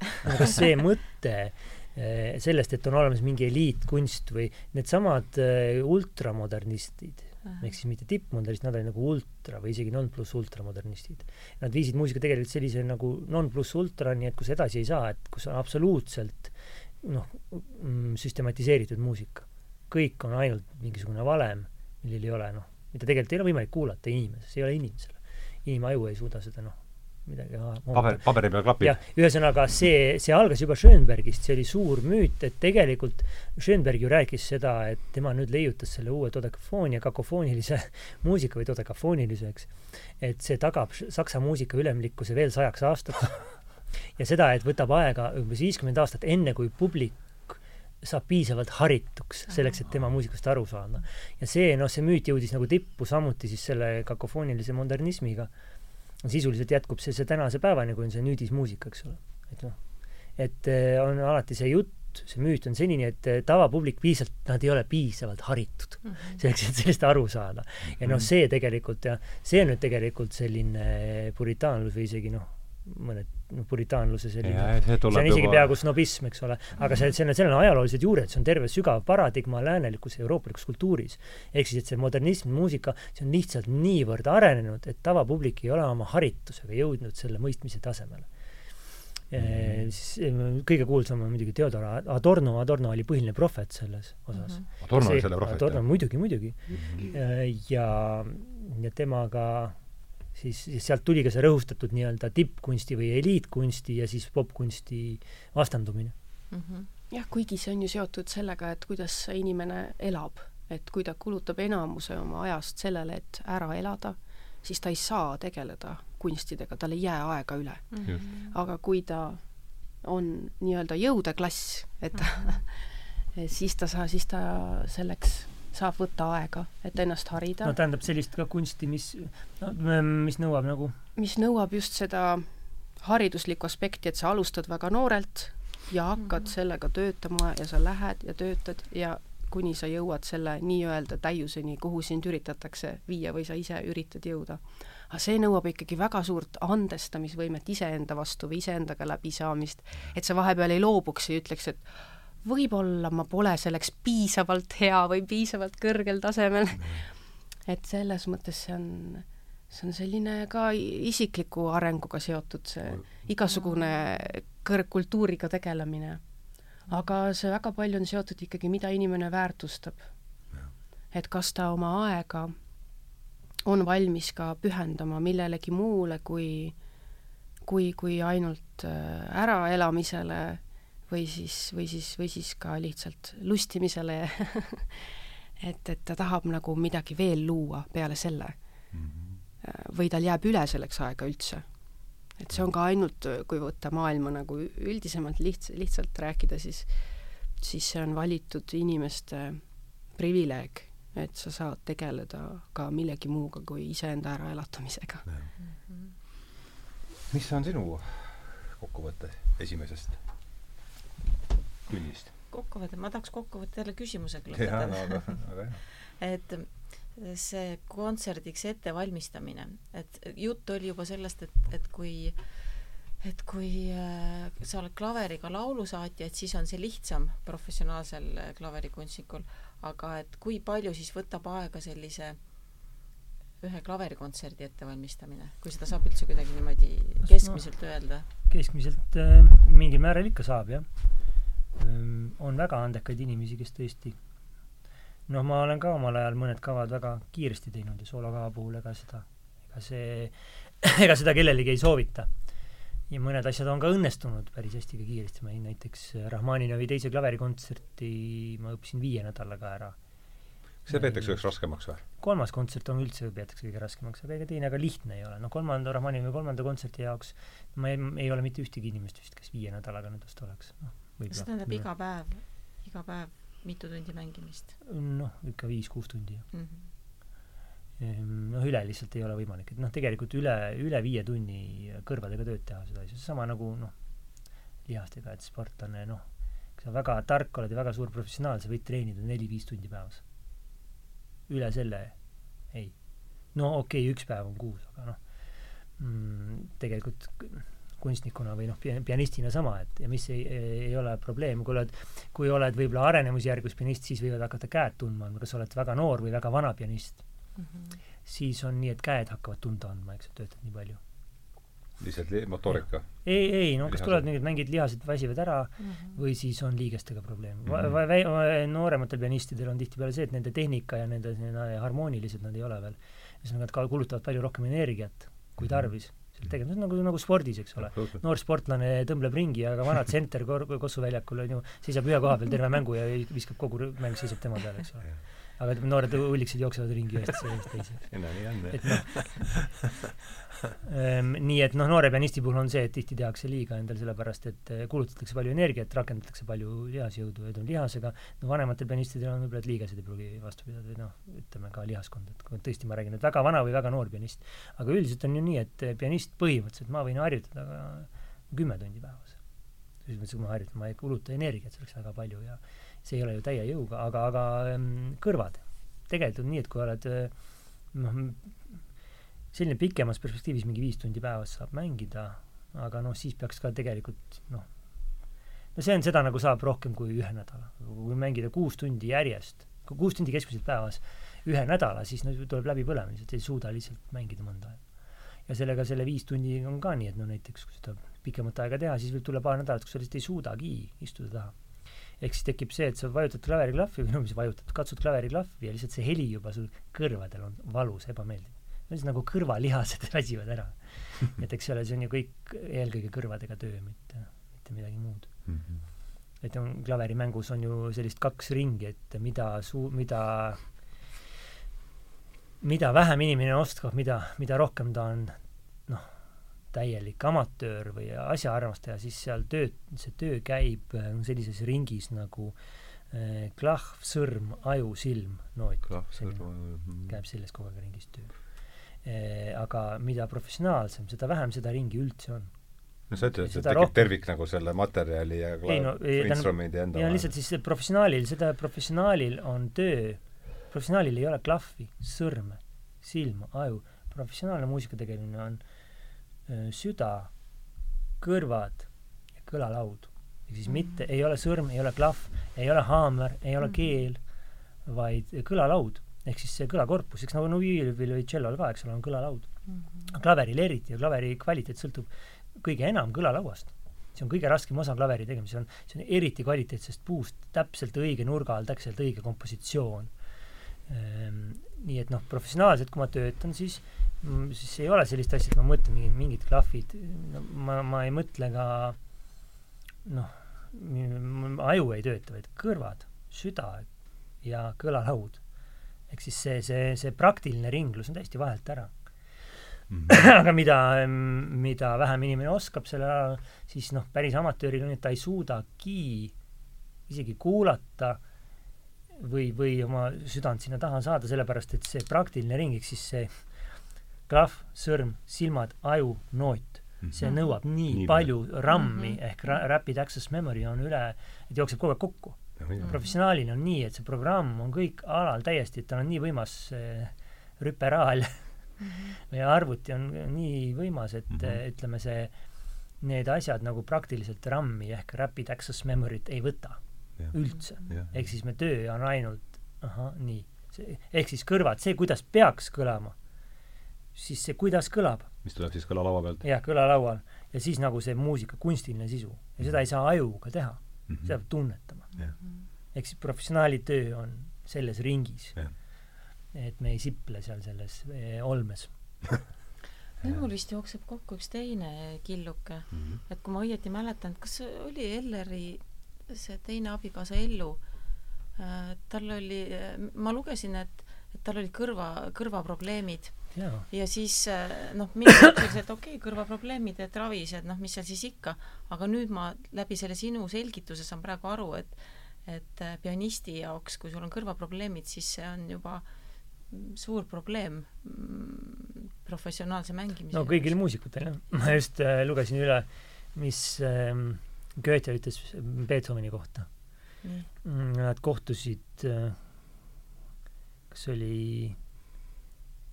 tuhande kahesaja kaheteistkümnenda aasta suvel vist, Goethe Beethoven jah. jah, või kolmeteistkümnenda ma nüüd, Teplitsis oli, see oli suu, see oli Austria-Ungari äh, kuurortlinn ähm,. kas ta ei ole mitte Tšehhis isegi praegu, Teplits ähm.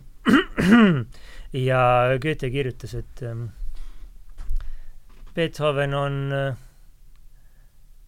täiesti taltsutamatu karakter, kes ilmselt ei eksi, ei eksi pär-, ei eksi täielikult, kui ta arvab, et maailm on üks nurjatu paik täiesti taltsutamatu ja täiesti taltsutamatu karakter, kes ei eksi, arvates, et maailm on üks nurjatu paik.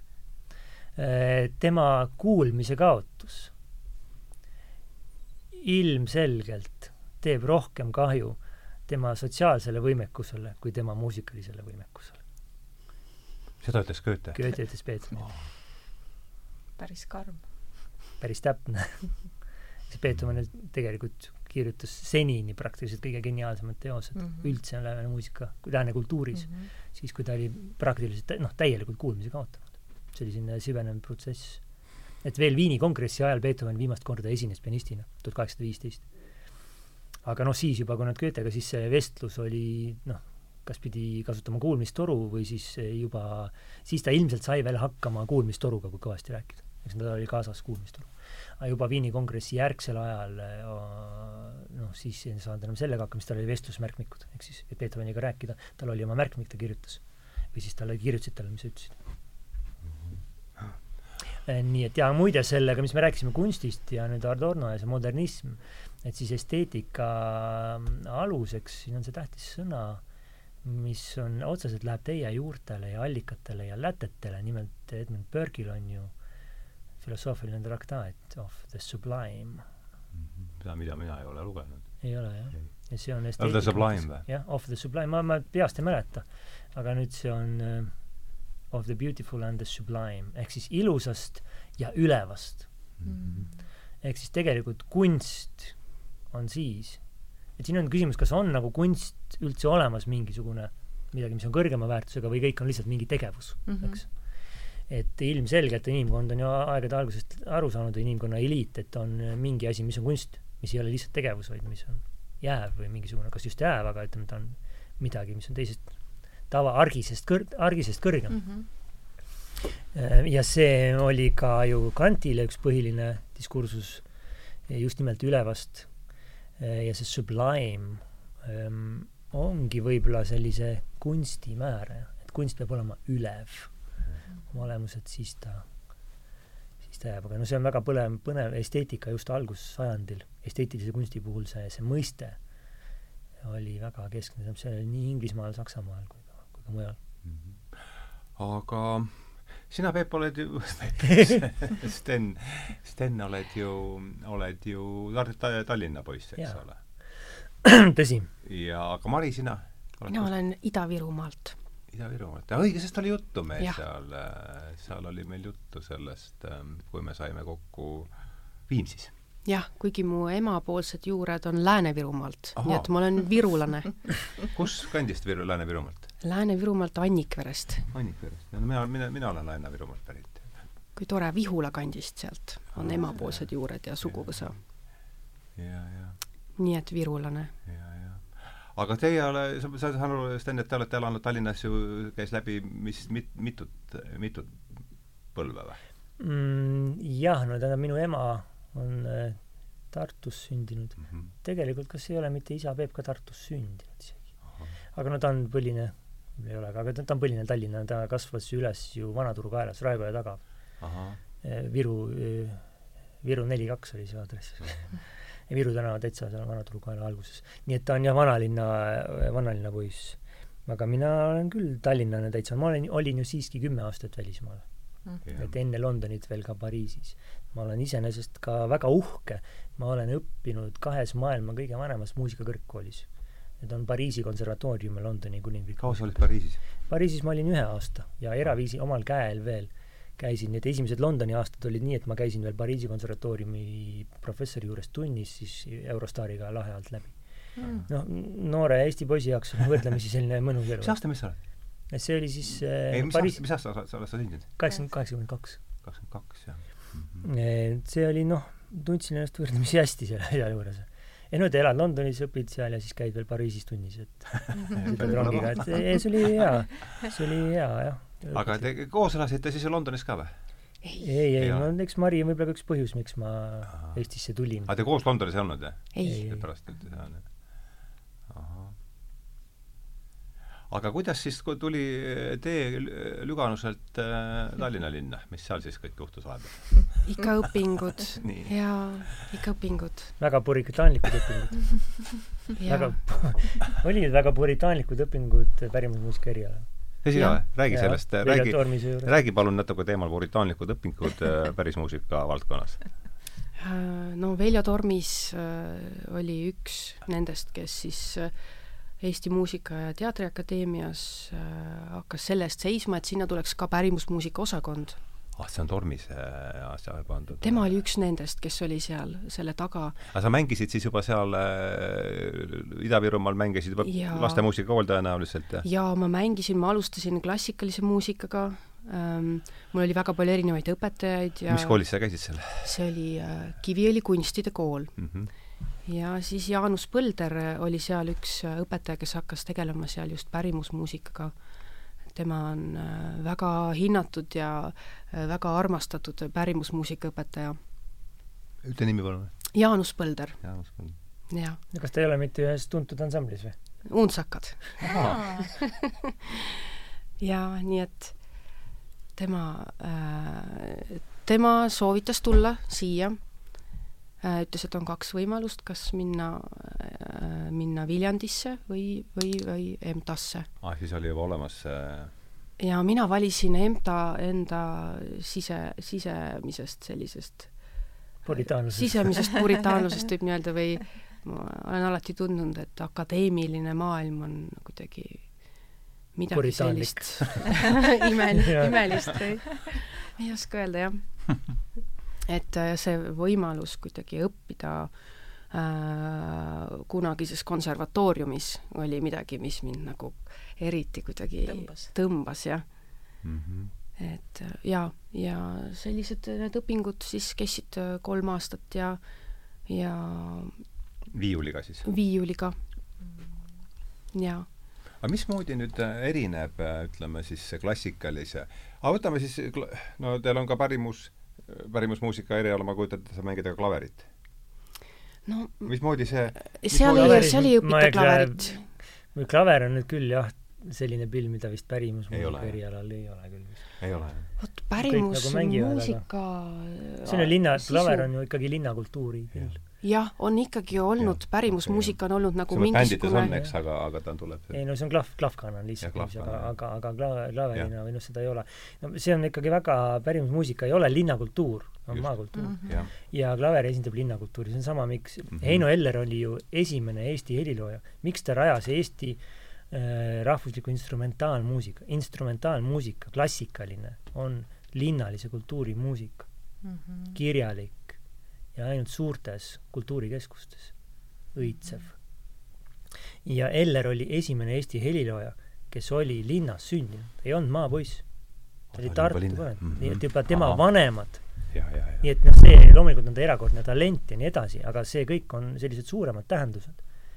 et Mart kui... Saar ei rajanud Eesti rahvuslikku instrumentaalloomingut mm. -hmm. sellepärast, et ta ei olnud linnalises mm -hmm. kultuuris, instrumentaalmuusika on linnalise kultuuri, sest Eller juba poisina käis kuulamas balti-saksa kultuuri Saksas äh,, Saksas äh,, Tartus, Tartus mm -hmm. olid ju balti-saksa orkestrid äh,, kvartetid mm, -hmm. ja tema jaoks oli see kokkupuude poisikesena ja see oli mhm. ülim esteetiline ide ideaal mm. -hmm. saksalik instrumentaalmuusika mm. -hmm. ja siis ka äh, Eller noh, sisuliselt lõi selle ähm, kogu Eesti kultuuri jaoks sest äh, pärimuskultuur on ikkagi, pärimuskultuuris muusika on ikkagi mingisugune äh, nii-öelda teenistusmuusika või ta on millegi teenistuses, et -hmm. sa, kas sa näiteks äh, teed tööd ja siis, siis sa, siis, siis sa laulad mm. -hmm. või, või siis, äh, või siis sul on pulmatraditsioon ja. ja see on nagu selle traditsiooni teenistuses, mingisuguse riituse teenistuses. Mm -hmm. või, või on näiteks matused on itk mm, -hmm. näiteks. pärimusmuusika on riituse teenistus, jah noh, see on minu enda sõnastus, aga see on mingi no siis me jõuame näiteks jõuame kohale ilusti. tegelikult vaadake, klassikaline muusika, see, mida me mõistame, klassikaline muusika, see tähendab seda, et on teos, see on teosekeskne. klassikalise muusika, pärimusmuusika mõttes, mis, mis seal on see vahe? pärimusmuusikas muusika ei ole mitte nimisõna, vaid tegusõna. see on tegevus. klassikalises muusikas muusika on verb ehk teos. ja see on põhiline erinevus nüüd sellise Beethoveni paradigma alusel oleva, Beethoveni paradigmale tugineva klassikalise muusika ja ka vara, vana muusika. ehk kuni kaheksateistkümnenda sajandi lõpuni eelkõige muusika oli Euroopas kui musitseerimine, kui verb. ja see esteetiline revolutsioon, millest ma põgusalt sellest ka kirjutasin, aga selle kõige lihtsam selgitus ongi see üleminek muusika kui nimisõna muusika, mitte muusika kui tegusõna mm.. anna palun sellele veel värvi juurde natukene, see tundub olevat huvitav koht. jaa, ehm, ehk siis muusika aluseks ei ole mitte see, kuidas eh, keegi mängib oma lugusid, väga lihtne, heliloojad, me mängisid oma lugusid. No näiteks ma toon teile, kõige tähtsam äh, või esimene suur nagu klahvpillimuusika õpik ja kõige tähtsam, mis mõjutas ka hilisemaid, oli Carl Philipp Emanueli Bachi, Emmanuel Bachi ehk Emmanuel Bachi äh,. inglased ütlevad CPE, Carl Philipp Emanuel äh,. tema traktaat siis äh, Friedrich Suure õukonnas Berliinis äh, über die wahre Art des Klavier zu spielen ehk siis klaverikunsti, klaverimängu või klaviirimängu tõesest kunstist. ja, ja mida, et kuidas mängida klaverit, sinna illustreerivaks ta kirjutas muusikat, ta kirjutas oma proobestükid ehk proovipalad mm -hmm. ja oma muusikat. Emmanuel Bachi isa oli Johann Sebastian Bach. kas te kujutate ette, et kui minu isa oleks Johann Sebastian Bach ja ma kirjutaksin klaviiri mängimise õpiku, kõikehõlmava, ja ma mitte ühtegi näidet ei paneks juurde Johann Sebastian Bachi loomingust. kas te kujutate seda ette? saate aru? no see ei ole ju loogiline, eks? ei ole. noh, aga Emmanuel Bach kirjutas õpiku, mille najal kasvasid üles ka Beethoven, see, see kehtis, ilmus tuhat seitsesada viiskümmend kolm, esimene köide, aga see oli kehtiv kuni suure, kuni Hummeli õpikuni tuhat kaheksasada kakskümmend seitse või kaheksa. nii et üle poole sajandi. Hummel oli, mis tema eesnimi on? Äh, Johann Nepomuk, täiesti Tšehhi päritolu, kui ma ei eksi, mingisugune slaavi Ehm, ühesõnaga, Emmanuel Bachi õpik, no see on üks tähtsamaid traktaate mis oli Divare Arte? Divare Artes klaviirtsuspiel, no ma võib-olla seal eksin mõne sõnaga, aga ühesõnaga klaviiri mängimise tõene kunst mm. -hmm. või tõene viis või õige viis. Ehm, see muide oli, äh, sellise valgustusajastu vaimus, et Friedrich Suur äh, oli ju, ehk Friedrich Teine, Preisi kuningas, oli suur prantslaste austaja ja tegelikult ta ju rääkis ka, ehk siis Saksa keiser või Preisi kuningas äh, noh, kaasaegse Saksamaa loojate, looja loomine on eelkõige kaks meest, Bismarck ja sajand enne Friedrich Suur. jah, muidugi. ja Friedrich Suur ju rääkis prantsuse keeles mm. -hmm tema paleega Sanssouci oli prantsuskeelne. aga ühesõnaga prantsuse entsüklopedistid ja prantsuse valgustusajastu mõtlemine oli suureks eeskujuks ja, ja ka siis need muusikatraktaadid, mitmed, mis ilmusid Berliinis, teisena neist Emmanuel Bachi oma, oli, aga nüüd me räägime sellest muusika kui verb, muusika kui mm -hmm. äh, tähendab nimisõna, omadussõna mm. -hmm niisiis, Emmanuel Bach kirjutas äh, tuhat seitsesada viiskümmend kolm näited, ise kirjutab, ei olnud midagi nii, et suurtelt meistritelt. nüüd, see on tuhat seitsesada viiskümmend kolm. Muzio Clementi, esimene pianist, äh, klaveri ja klaverisonaadi isa Itaaliast pärit, Muzio Clementi. Äh, see on, Clementi kohta võib öelda, kas ta on esimene pianist või klaverisonaadi isa või klaveri leiutaja, ta on maetud muide Londonis Westminster Abbey'sse mm. ja, ja seal on kirjas, et ta on the father of pianoforte ehk klaveri isa. ta oli erakordselt põnev tegelane, ta sündis neli aastat enne Mozartit ja suri viis aastat pärast Beethovenit, elas kaheksakümne aastaseks too. ela- ja rikka mehena ta oli austatud ja maeti Westminster Abbey'sse. ta siis eluaastad on äh, tuhat seitsesada viiskümmend kaks kuni tuhat kaheksasada kolmkümmend kaks. ta oli Itaaliast pärit. neljateistaastasena üks Inglise aristokraat ostis ta seitsmeks aastaks endale koju Roomast. ta, andekas poiss oli uh. -huh. ta oli äh, varakult õppinud muusikat, ta on päris itaallane, eks, saanud Itaalia kooli. Ja see oli üks ähm, aristokraat äh,, äh, mis ta nimi oli? Äh,, kohe ma ütlen, ehk siis ta oli Edmund Burke'iga samaaegne keegi, äh, mis ta nimi, Peter Beckford. Ta oli, minu arust oli ka, ta, ühesõnaga ta oli lord ja Inglise parlamendi riigi, parlamentäär ostis omale siis äh, maa mõisasse ja Clementi istus seitse aastat ja harjutas klavessiini seal Beckfordi mõisas, mis oli Dorseti maakonnas. Selge, ühesõnaga Clementi, kuulake nüüd, see kõik on väga tähtis, te saate aru, mis on erinevus. Clementi kirjutas äh, siis oma ähm, The Art of Playing the Pianoforte, oma äh, traktaadi või õpiku, mis on küll märksa napisõnalisem kui Emmanuel Bachi oma, aga see on ka väga tähtis, aastal tuhat kaheksasada kolm ilmus see Londonis, mhm. pool sajandit hiljem kui Clementi kirjutas, ta kirjutab tiitellehel, et siin on klaverimänguõpik, kus meil on uh, with examples from composers of first rank, ancient and modern, kaheksasada kolm. saate aru, tiitellehel juba kirjutab. ehk siis, mitte mina, Muzio Clementi, ei ole ainukene inimene, kirjutan ise teosed, vaid äh, näite, näidetena on teosed siis äh, esimese järgu meistritelt mm. -hmm. nii oma antiiksetelt kui?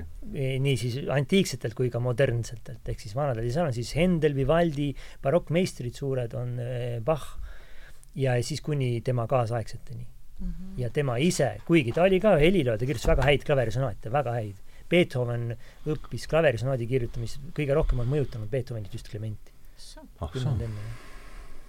Äh, ja ka klaveritehnika Clement, nii et ähm, noh, Clementi ongi selles mõttes selline äh, Viini klassikute ja barokkmeistrite vahel võib-olla kõige tähtsam selline klaveri helilooja, keda peaks noh, väärtustama klaveri repertuaaris vähemalt sama kõrgelt kui Mozartit ja Beethovenit.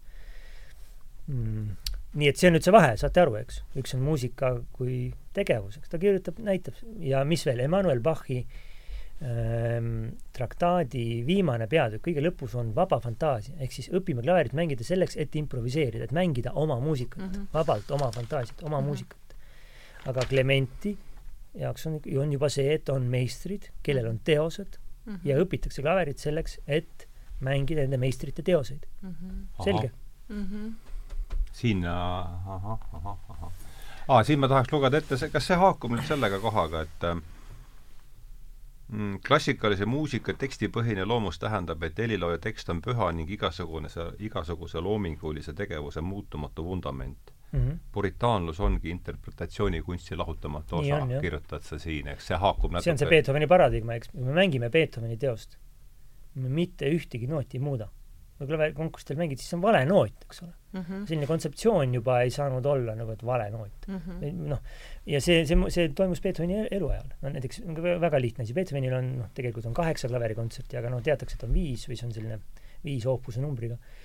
Kuni äh, siis ka neljanda kontsertini on nii, et on instrumentaalkontsertis on kadents, ehk siis orkester paneb pillid sülle ja nüüd virtuoosne solist näitab, mida ta oskab Mm -hmm. no mängib, improviseerib näiteks neil teemadel või mängib Mhm. midagi ja siis viib orkestri juurde tagasi. Beethoveni esimesed neli kontserti on nii, et need kadentsid on küll säilinud, Beethoveni enda kirjutatud kadentsid. kadents Aga- on mis asi? kadents on siis selline koht, kus orkester on vait ja solist mängib üksi pikalt. no kadents muidugi on muusikaharmoonias on selline asi, on kadents on nagu lõpetamine ära. paneme teosele lõpu, siis teose lõpus on alati ka kadents. aga no see on sisuliselt järgnevus. Mm -hmm. aga no instrumentaalkontserdi mõttes kadents on see, et on, solist mängib ja kõik kuulavad ja ahhetavad ehm,. Beethovenil siis neli esimest on nii, et kadents on olemas, aga see on eemal, üks on, va-, vaatame siis muusikateost kui raamatut, keerame lehekülgi, siis sellel kohal, kus on kadents, on fermaat ehk peatus, tühi koht. mm -hmm. ehk solist võib mängida, mida tahab. ja ka Beethoveni neljandas kontsertis on see niiviisi ehm, nii, aga Beethoveni viies kontsert on nii, et see algab kohe suure kadentsiga, see on lõpus ka. see kadents enam ei ole vaba, vaid on iga viimse kui noodini helilooja poolt otsustatud ära. Ehk siis sinna juurde ei tule mitte üht poolt nooti ka, vaid täpselt nii, nagu Beethoven kirjutas. ka see vaba improvisatsiooni koht kaob muusikast, ehk siis muusikateos saab täht-tähelt lõpetatuks teoseks, see on viimase kahesaja aasta paradigma. see on see Mhm. Beethoveni paradigma, täiesti lõpetatud teose keskne. tegelikult see ongi see, mida me mõistame klassikalise muusika all ah, see on Beethoveni paradigma. lõpuks tegelikult klassikalisest muusikast improvisatsioon kadus täielikult alles eh, just nimelt nende tippmodernistide ajal, tuhande üheksasaja viiekümnenda aasta paiku. Veel enne teist maailmasõda oli täiesti eh, improvisatsioon täiesti loomulik osa klassikalisest muusikast. ma toon kaks näidet. Josef Hoffmann, kes oli üheksateistkümnenda sajandi lõpu, kahekümnenda sajandi alguse kõige suurem pianistlik virtuoos. Rahmaninov pühendas Josef talle Hoffmann. Josef Hoffmann, jah, peate kuulama tema salvestusi ka, ülesvõtteid. Rahmaninov, kes ei olnud halb pianist, Rahmaninov pühendas oma kolmanda klaverikontserti Hoffmannile. Mhm. kui Hoffmann mängis oma kuuekümnenda juubelikontserti tuhande üheksasaja kolmekümne kuuendal aastal ja ka, ja ka kolmekümne seitsmendal aastal suuri kontserte Ameerika, Ameerikas, ta oli siis seal ka suure muusikakooli ähm, Curtis Institute'i eh, direktor, siis ta klassikalise muusika paraldas, ta pani noote juurde, võttis ära, nii nagu ta tahtis. ja vahele mängis oma improvisatsiooni lihtsalt. Nii et kuni Teise maailmasõjani veel ei olnud kadunud, aga noh, see oli järk-järguline protsess. et tegelikult ka kadus klassikalisest muusikast improvisatsioon alles tuhande üheksasaja, Teise maailmasõja järgsel ajal. ja see on üks näide, ehk siis Hoffmann, kuuekümne-aastane meister veel, mängis kontserte, see, need on ülesvõtted olemas täiesti toonasest, toonasest ajast, kus ta mängib näiteks Chopini, paneb noote juurde sinna. noh, tänapäeval või no kuidas pianist mängib Chopini, siis paneb noote juurde. no kuulge ähm, minusugune muidugi ei saaks aru midagi, aga No oleneb, on noot. inimesi, kes saavad. ei no oleneb, mis noot, jah. see on üks näide, teine näide sellest on see, kui, kuulake, kui me jõuame tagasi ähm, Heljo Sepa juurde. kui Heljo Sepp kolmekümne kaheksandal aastal ähm, läks Londonisse siis sinna konkursile, siis äh, see oli see Briti Nõukogu konkurss Londonis Kuninglikus Muusikaakadeemias, siis temalt paluti improviseerida valss ette nähtud teemal. oli klassikaline muusikapianist. sisseastumiskatse London Royal Academy of Music tuhat üheksasada kolmkümmend kaheksa. palun improviseerige. tal olevat läinud see hiilgavalt. aga kas ei olnud üks pärimusmuusika lugu, mida ta esitas äh, konkursil Londonis äh,? et äh, ka- kas see, see ei vasta tõele, jah? ei, minu meelest see oligi see improvisatsioon. aa, see oligi see improvisatsioon, ahah. Vot nii on sellega, nüüd, nüüd, nüüd see on see asi, et klassikaline muusika on tegelikult esem-, ese-, esemestunud Mhm. nüüd ma esemestunud saan, nüüd ma saan aru sellest küll, jah, see oli pikk eh, ekskurss, aga nüüd ma, ma sain ka nüüd aru sellest. sest Heljo Sepp ise, äh, tema on linnast või no Valgast, aga noh, Mhm. aga pigem noh, eks Valga oli siis ka täitsa veel.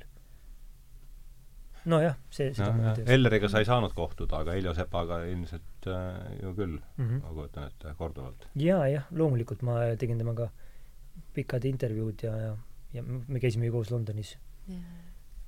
ta andis nii-öelda teatepulga üle mulle ja ma ka sängitasin Heljo Sepa metsakalmistule Elleri kõrvale mulda.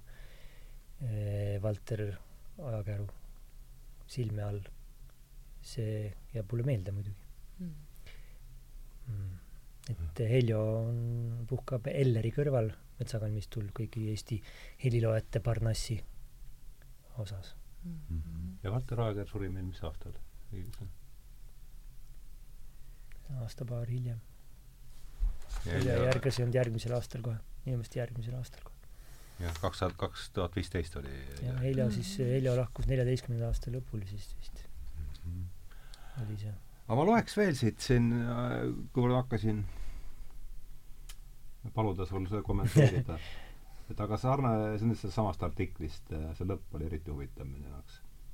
aga sarnaselt kristliku traditsiooniga võimaldab klassikalise muusika interpretatsioon sealjuures lõputult laia lähenemisnurkade spektrit, kivistanud skolastikast kuni nõretava müstikani. anna palun sellele lausele või andke koos sellele lausele natuke veel värvi juurde, et see on huvitav lause et mm, sa oled nootidega, oled jah, ühest küljest jah, täpselt on nii, on ju nii, et äh, pianistid mängivad täpselt samu teoseid, noot noodilt mm -hmm. täpselt samu teoseid mm. -hmm. ja see võibki olla sama saal, sama publik, sama klaver, sama teos. ja siis tuleb teine pianist ja see võib olla midagi hoopis muud. Et see võibki olla nii, et ka tavakuulaja talub, tajub seda? no aga loomulikult, see on, see ongi see modernistlik müüt, et muusika kuulamiseks on haridust vaja mm. -hmm. inimene peab olema lihtsalt sellest piisab, eks ole ehm,. loomulikult tähendab eh, sellise kunstmuusika kuulamisele haridus on ikkagi tegelikult eeldus, eks ole, see on kahe otsaga asi mm. -hmm. element, muusikaga õppinud olla, see ikkagi hõlbustab seda teed väga palju. Inimesed, kes lap-, nooremas eas ei ole üldse muusikat õppinud, et siis ka hiljem klassikalise muusikaga see kokkupuude, noh, see võtab lihtsalt rohkem aega kokkukasvamine mm. -hmm. aga, aga nii see on, tähendab kas või noh, kas täpselt sama teost võib inimene mängida ja see on see interpretatsioonikunsti võlu. tihti ju räägitakse, et klassikaline muusika või noh, see on selline noh, kõlanud viimase isegi saja aasta jooksul, seal on ka omad põhjendused, põhjused, mitte põhjendused, aga põhjused, miks nii räägitakse, et klassikaline muusika on ju tegelikult nagu tupiktee ja ja surnud kunst, et me ju mängime tõesti inimeste muusikat, kes elasid palju-palju inimpõlvi enne meid mm. -hmm et, et see, et justkui see ei saakski midagi tähendada, aga tegelikult ei ole, klassikaline muusika ei kao mitte kunagi mitte kuskile. sellepärast, et ähm, interpretatsioonikunst on piiritu, see on täiesti piiritu. kas seesama Beethoveni kuupäistsonaadiga, see on niiviisi. no ma toon teile näite, eks, kui, kui te mõtlete Beethoveni kuupaistesonaadi peale, on selline lugu. ma olen seda kuulnud elus, noh, ma ei tea, mitusada korda. ma olen esitlenud seda ise mitukümmend korda ja olen vähemalt kümmekond korda ka õpetanud seda. kuidas on võimalik, et ma lähen, täiskasvanud inimene, Estonia kontserdisaali ja kuulan järjekordselt ühte kuupäiste sonaati. nii, et mitte mulle ainult, et see ei meeldi, vaid ma tunnen, nagu ma oleks kõrvuks tõstetud ja, ja ilmutuse osaks saanud mm. -hmm. et noh, siis see on ju ilmselge tõendus, et noh, sel interpretatsioonikunst või klassikaline muusika jääb alati ja see on üks inimtegevuse kõrgemaid sfääre. see ei ammendu, eks. et ma ei räägi nüüd tavakuulajaga, minul, kes noh, nii et ähm, see on see interpretatsioonikunsti võlu, see ongi mõneti, no see on tegelikult ju nagu jutlus, eks ole. Ja sarnaselt religioonile selles mõttes, et pühakiri on ju justkui olemas muutumatul kujul mm. -hmm. aga selle tõlgendus on kogu aeg ajaga muutunud nii nagu iga kirikuõpetaja räägib erinevalt, nii ka iga interpreet mängib erinevalt ja tunnetab erinevalt. mis teil endal viimasel ajal on olnud sellised suuremad muusika, raputavad muusikaelamused?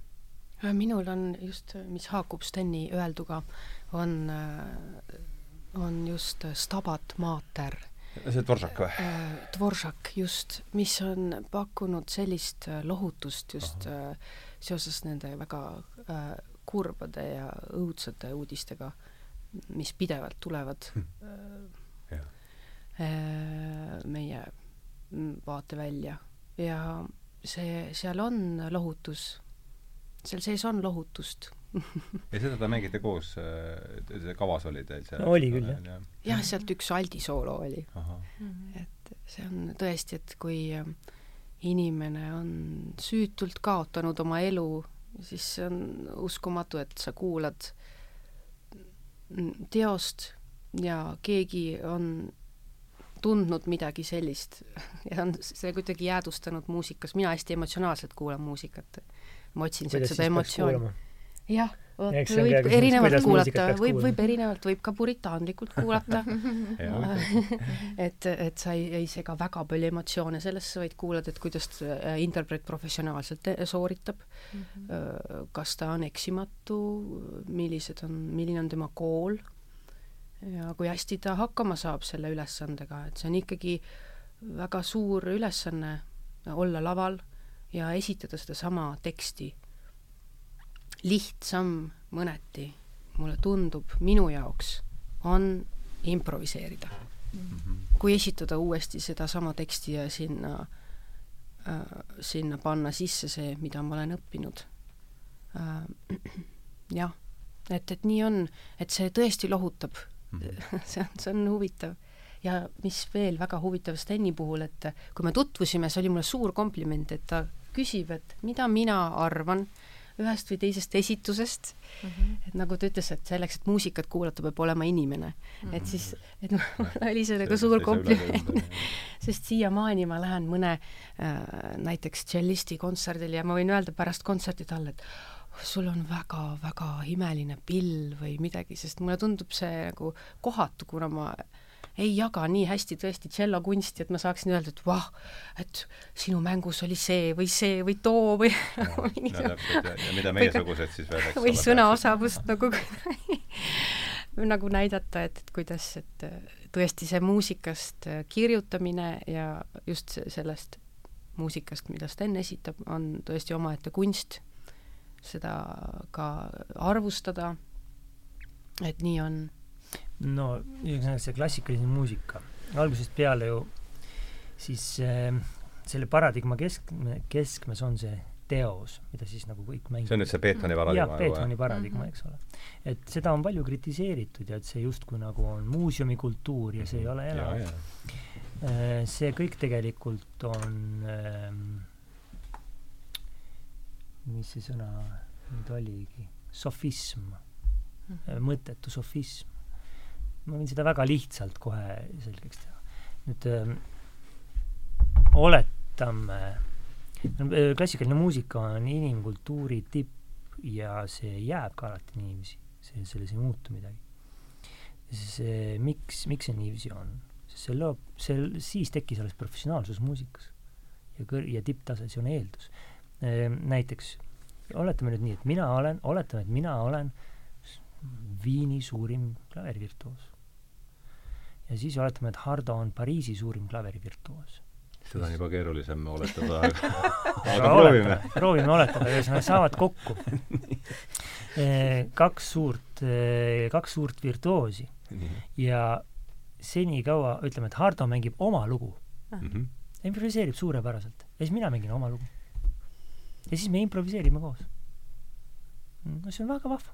täpselt nii juhtuski ähm, Viinis Austria-Ungari Püha Rooma keisri õukonnas siis, kui Mozart ja Clementi võidu mängisid. Mhm. tuhande kahe, jõuludel tuhat see toimus reaalselt siis? see toimus reaalselt, seal oli ka tulevane Vene keiser Paul Teine oli publiku hulgas oh.. aga nüüd ütleme, ja see on, siis on nii, et selle üle võib arutada, et kes mängib nii ja naa, aga, aga seal ei ole noh, see on nagu vahva, eks ole. aga nüüd oletame, et seesama Viini ja Pari-, Viini suurim virtuoos ja Pariisi suurim virtuoos saavad kokku ja nad mõlemad mängivad Beethoveni kuupäiste sonaati. kas saate aru, mis see tähendab? see tähendab seda, et väga selgelt on aru saada, kuidas keegi mängib. selgelt on aru saada, kas mängib paremini või ei mängi. ja kõik saavad sellest kohe aru.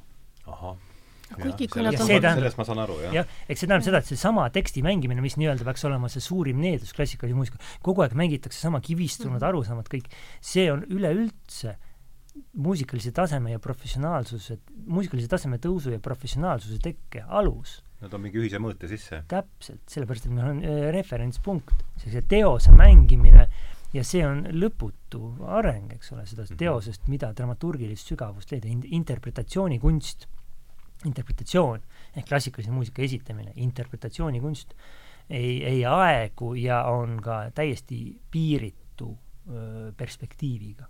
Ehk siis noh, siin ei ole nagu, et meil on kuidagi nagu ära tehtud see asi. see ju, see mõte tuli ju noh, selles mõttes esile nüüd, kui tekkis CD-ajastu ja kõik muusika on ära salvestatud ja, ja tehtud ära. et siis võiks eeldada, et aga miks meil on vaja üldse mängida muusikat. ega on mängitud sisse. uusi teoseid klassikalises muusikas, noh, tuleb tegelikult väga palju häid teoseid ka. kirjutatakse ju, kirjutatakse head muusikat, aga see ei jõua nagu sellesse mainstream'i. siis võiks ju eeldada, et äh, milleks meil üldse on vaja, et keegi mängib. Noh, esiteks sellepärast, et elu, elusat musitseerimist ükski asi ei korva, teiseks on ka see, et täpselt nii, nagu ma ütlesin, võib ka kuupäevsonaati mängida nii, et isegi minusugune paadunud professionaal tunneb ennast e- elevus, elevalt nagu poisikene saalis mm.. et see on see, see on see ime. millal sa kogesid midagi viimati sellist? kus see Äh. võib olla no see oli nüüd vist pool, ka kolm aastat tagasi või mul võib-olla, et nüüd nii suurt sellist eurekat ei ole olnud. millal viimane oli niisugune suurem, kus sa tundsid elevil nagu poisike? kuulates midagi? ma pean mõtlema hmm.. aa, no üks erakordne oli näiteks, kui Ersoes oli Hannu Lindu, Soome dirigent, ja dirigeeris Peet-, Sibeliuse teist sümfooniat. See oli täiesti transcendentaalne just vormi mõttes, milline, milline tervik ja milline, milline suurus. Hannu Lind. Hannu Lindu, jah. Lindu. mis oli võib-olla, võib-olla poolteist aastat tagasi, et see oli küll selline midagi. mis see Si- Sibelius Sibeliuse teine sümfoonia. jaa, aga nüüd on ülev. nüüd on niimoodi, et ta on hakanud ähm, kell on kuusteist viiskümmend üks, et äh, varsti on juba kukelaulu kuulda koidik on käes ja jah, et ei ole meil siin äh, keegi seadnud reeglit, et peaks nüüd kahe tunniga asi ära lõppema, aga umbes seda me oleme, sinna me oleme selle asja äh, sättinud, et, et hakkame siis seda vestlust nüüd vedama niimoodi lõpupoole, et tuli meelde, selles muusikasaadetes, kuivõrd ma olen ikkagi muusikakauge inimene. Elu on olnud selline, aga üks äh, üks tõesti üks dokumentaalfilm, mida ma vaatasin kordi ja kordi ja kordi ja kordi, oli see džässpianist Bill Evans, Universal Musical Mind of Bill Evans ja seal ta ütleb alguses, ta algab Bill Evansi sellise monoloogiga, et et jah, et, et peaks kuidagi see rely on the jah, et kui sa oled klaverikunstnik, siis on ka tihti kasulik äh, äh, toetuda on the sensitive layman because he has the innocence that uh, uh, siis professionaalne kunstnik must ma ei mäleta, kuidas see oli, et ah, he, he would ha-, he has naturally the innocence that uh, siis uh,, mida siis professionaalne kunstnik peab endas kuidagi säilitama, et uh, et No läks läkski sassi kuidagi, see No oli plaanis uhke tsitaat, aga aga mälu vedas alt, no mis sa teed, et aga just see jah, et ähm, jah, et et jah, et proff peab üritama säilitada endas seda, seda süütust, mis on juba kõrvalt, ütleme, kellel ei ole muusikaharidust, et seal on selle, see loomulikult kaasas, et mis sa sellest mõttest arvad? See käis siit juba läbi tegelikult natuke, aga see ta haakus mulle nojah, et justkui, justkui see on see tore, sa pead, tegelikult see tähendab lihtsalt, et sa pead nagu avatud südamega kõigesse suhtuma. jah, aga noh, just nimelt eh, noh, nagu klassikalise muusika puhul on see, et mul on see väga raske juhul, kui on lihtsalt inimene puudulikud oskused on nagu professionaalselt. et ja on ka selliseid juhtumeid ju, kus eh, näiteks on, ma olen saalis ja minu jaoks on mängijal noh, puudujäägid. tehnilised lihtsalt jaa, aga samas publikule ta väga meeldib, et sellisel juhul ma ju ei saa püsti tõusta, et oot-oot-oot, stopp oot-oot-oot, ei, ei, tal see ohke motiiv, ta ei valda seda. et ärge, et noh. sõpru sellega nii... ei saaks ta. ei no ütleme nii, et, et mis te nüüd, kas te ei saa aru, kas te ei kuule, et tal ei ole, see nüansid ei ole nagu, ta ei valda neid nüansse, eks ole. et noh, eks ma neelan selle alla see on väike asi ehm, aga selles mõttes muidugi on raske, no klassikaline muusika seabki siia piirid, et selleks, et ikkagi olla kontsertsaalis mängida, see on nagu, ehm, see nõuab lihtsalt nii palju seda, seda oskust. aga jah ähm,, muusikat muidugi peabki kuulama avatud südamega. jah, ega seal vist teist varianti ei ole. kuivõrd pal-, palju on äh, valdkonna sees äh, vaidlusi või erinevaid mõisteid, mis on professionaalsus või mis on noh, jah äh,, loomulikult on professionaalsust võib ka mõista ju selles mõttes, et professionaalne on see, kes esitab arve selle eest, mida ta teeb. ja ära, ja ära, ära tasutakse, see on ka, see on ka oluline, et arve saab maksta. ja, ja, ja, ja kellele, et kellele makstakse tegevuse eest, et siis on professionaal. jah. noh, mis sina arvad siis lõpetuseks? küsi ka, küsi ka veel mingi küsimus ja siis lähme, hakkame no ma lihtsalt olen kuulanud siin kõrvad lahti Uusi ja süda lahti ja kõik ja olen Äh, avastanud uue termini või noh, mõtte enda jaoks, et mina ei, ei ole puritaanlik kuulaja, muusikakuulaja, sest et äh, ma olen täpselt see ka, kellel lapsepõlvest e spetsiaalne muusikaharidus puudub.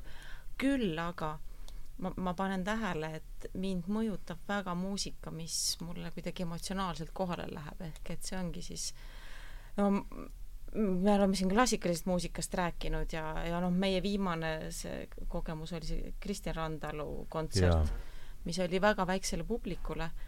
Ja noh, seal ma tundsin ka, kui Sten mainis siin mingit transcendentaalset sfääri, et siis seal oli lihtsalt see viis niimoodi nagu nii lähedalt kuulata, et see viis nagu niimoodi kaasa, et noh, et ja noh, see oli just eelmine nädalavahetus ja, ja see on meie kõige värskem aga noh, kui mitte klassikalisest muusikast rääkida ja rääkida sellest ka keha ja südamega kuulamisest, siis mina avastasin enda jaoks paar kuud tagasi mm, on üks, ta on prantslanna, on üks Emma Peters, ta, ta on no, noore põlve laulja nüüd siin. Ja ma ütleks, et et jälle, et kui vaadata playlisti, siis ma arvan, et ei ole nagu terve playlist, aga temal, tal on üks lugu Love ja noh, see juba iseenesest, jah, see mulle meeldib, aga see on prantsuse keeles ja selles, ma ei oska prantsuse keelt, aga selles muusikas on midagi sellist, mis nagu täielikult tõmb-, tõmbab selle keha kaasa ja, ja ühesõnaga, kogu kehaline kuulamine tuleb sealt. teeb see, mida muusika peaks tegema tõenäoliselt. Mm, nojah, loomulikult tegelikult on ju see lihtne, et et muusikas eneseväljenduseks on niivõrd palju viise ja kui inimesel on see sisukus või talent, et siis ta igal juhul leiab selle viisi mm. -hmm. ja noh, klassikalise muusikaga lihtsalt äh, käib kaasas äh, rafineeritus mm. -hmm. see on selle osa, see on selle protsessi osa, see eeldab kõige kõrgemal tasemel muusikalist kirjaoskust, mis iseenesest ei tähenda äh, kohe a priori kunsti, eks ole, vaid see on muusikaline kirjaoskus kõige kõrgemal tasemel ja see väga-väga kõrgel tasemel tehniline pillimänguoskus. Nii et eks see rafineeritusega on nii, nagu ta on, eks, et see rafineeritusel, ülimäärasel rafineeritusel äh, loomulikult on äh, omad kitsaskohad ka. nii see on. ja selle valdkonna sees, selle klassikalise muusika sees on väga palju erinevat, väga erinevat muusikat mm -hmm.. noh, jaa, ei no siin on ähm, jah, tegelikult ju ka see nii-öelda nüüdismuusika või tänapäevane muusika ja ka vana muusika ja siis nagu justkui see klassikaline muusika olekski ainult Beethovenist kuni Rahmaninovini. pool, ainult poolteist sajandit tegelikult. ahah, Rahmaninovi sa nimetad ka ikkagi üheks siis verstapostiks seal selles? no Rahmaninov on, noh, tegelikult viimased heliloojad olid ähm, äh, Šostakovitš ja Britten, mis surid siis vastavalt tuhat, äh, tuhat seitse, tuhat üheksasada seitsekümmend viis, seitsekümmend kuus. Mhm. ja, ja muidugi Pärtil on ka kantus Britteni mälestuseks ja Britten on siis viimane helilooja selles mõttes heliloojad, klassikalise muusika helilooja. Eh, seal ja, ja muide sel ajal, kui nemad lahkusid, oli ka kõige suurem kriis. ega, ega Pärt ei olnud ainukene, kellel oli kriis seitsmekümnendatel aastatel, et ta oli vaiki ja ei suutnud kirjutada. ka seesama meie mainitud Georgi Ligeti ei suutnud pea kümmekonna aasta, ju, vältel midagi kirjutada. nii et ähm, kõik asjad on seotud omavahel. aga, aga jah, nii see on. aga needsamad erinevad muusikastiilid ja, ja see, seesama kirev värvipalett kokku ongi nagu niivõrd võluv, et sellel klassikalisel muusikal ongi seal noh, hoolimata sellest, et ei ole muusikalist haridust, sellel on väga suur koht, vähemalt no saate seesama, mis me detsembris saime osa sealt, No, Viimsi. veel alga-, Viimsis, see oli Jah. täiesti hiilgav. no tähendab, eks klassikaline muusika on selles mõttes nagu ajatu muusika, kui, kui, nüüd ikkagi ausalt üksteisele endale otsa, kui ausalt endale otsa vaadata, siis meil kõigil on ju need kõige südamelähedasemad või armsamad on lood, on ju nooruspõlvest. mm -hmm. no muidugi, jah. E- ega siis meie ei suudagi enam niiviisi kuulata, nii nagu nooremad põlvkonnad, neil on mingid oma lood. mm ja -hmm. nooremate põlvkondade jaoks see on mingi kummaline vana muusika, see, mis meie jaoks on nagu see noorpõlve popmuusika, nii et noh, siis klassikaline muusika on selles mõttes nagu ajatu muusika Jah. ja see muu on siis see, mis on inimese emotsioonidega ja kasvamisega seotud. Mm -hmm. Et noh, kuidas mina tunnen ju üh- üheksakümnendate seda popmuusikat, kuigi ma ei ole nagu uurinud või niiviisi, aga paratamatult ma nagu tajun või tunnen seda õhus kogu väga hästi kogu aeg, aga mul ei ole õrna aimugi, mis viimase kümne aasta jooksul, kuigi ma ei ole nüüd murd, muldvana.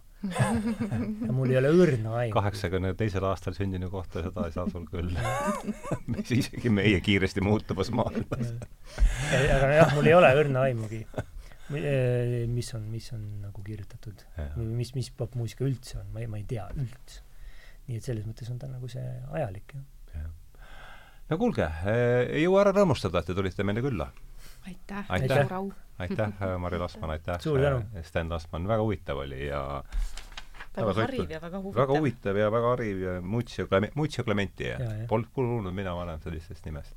Väga klaverispetsiifiline, et ta Jah. üritas kirjutada ju ka sümfooniaid nagu Beethoven.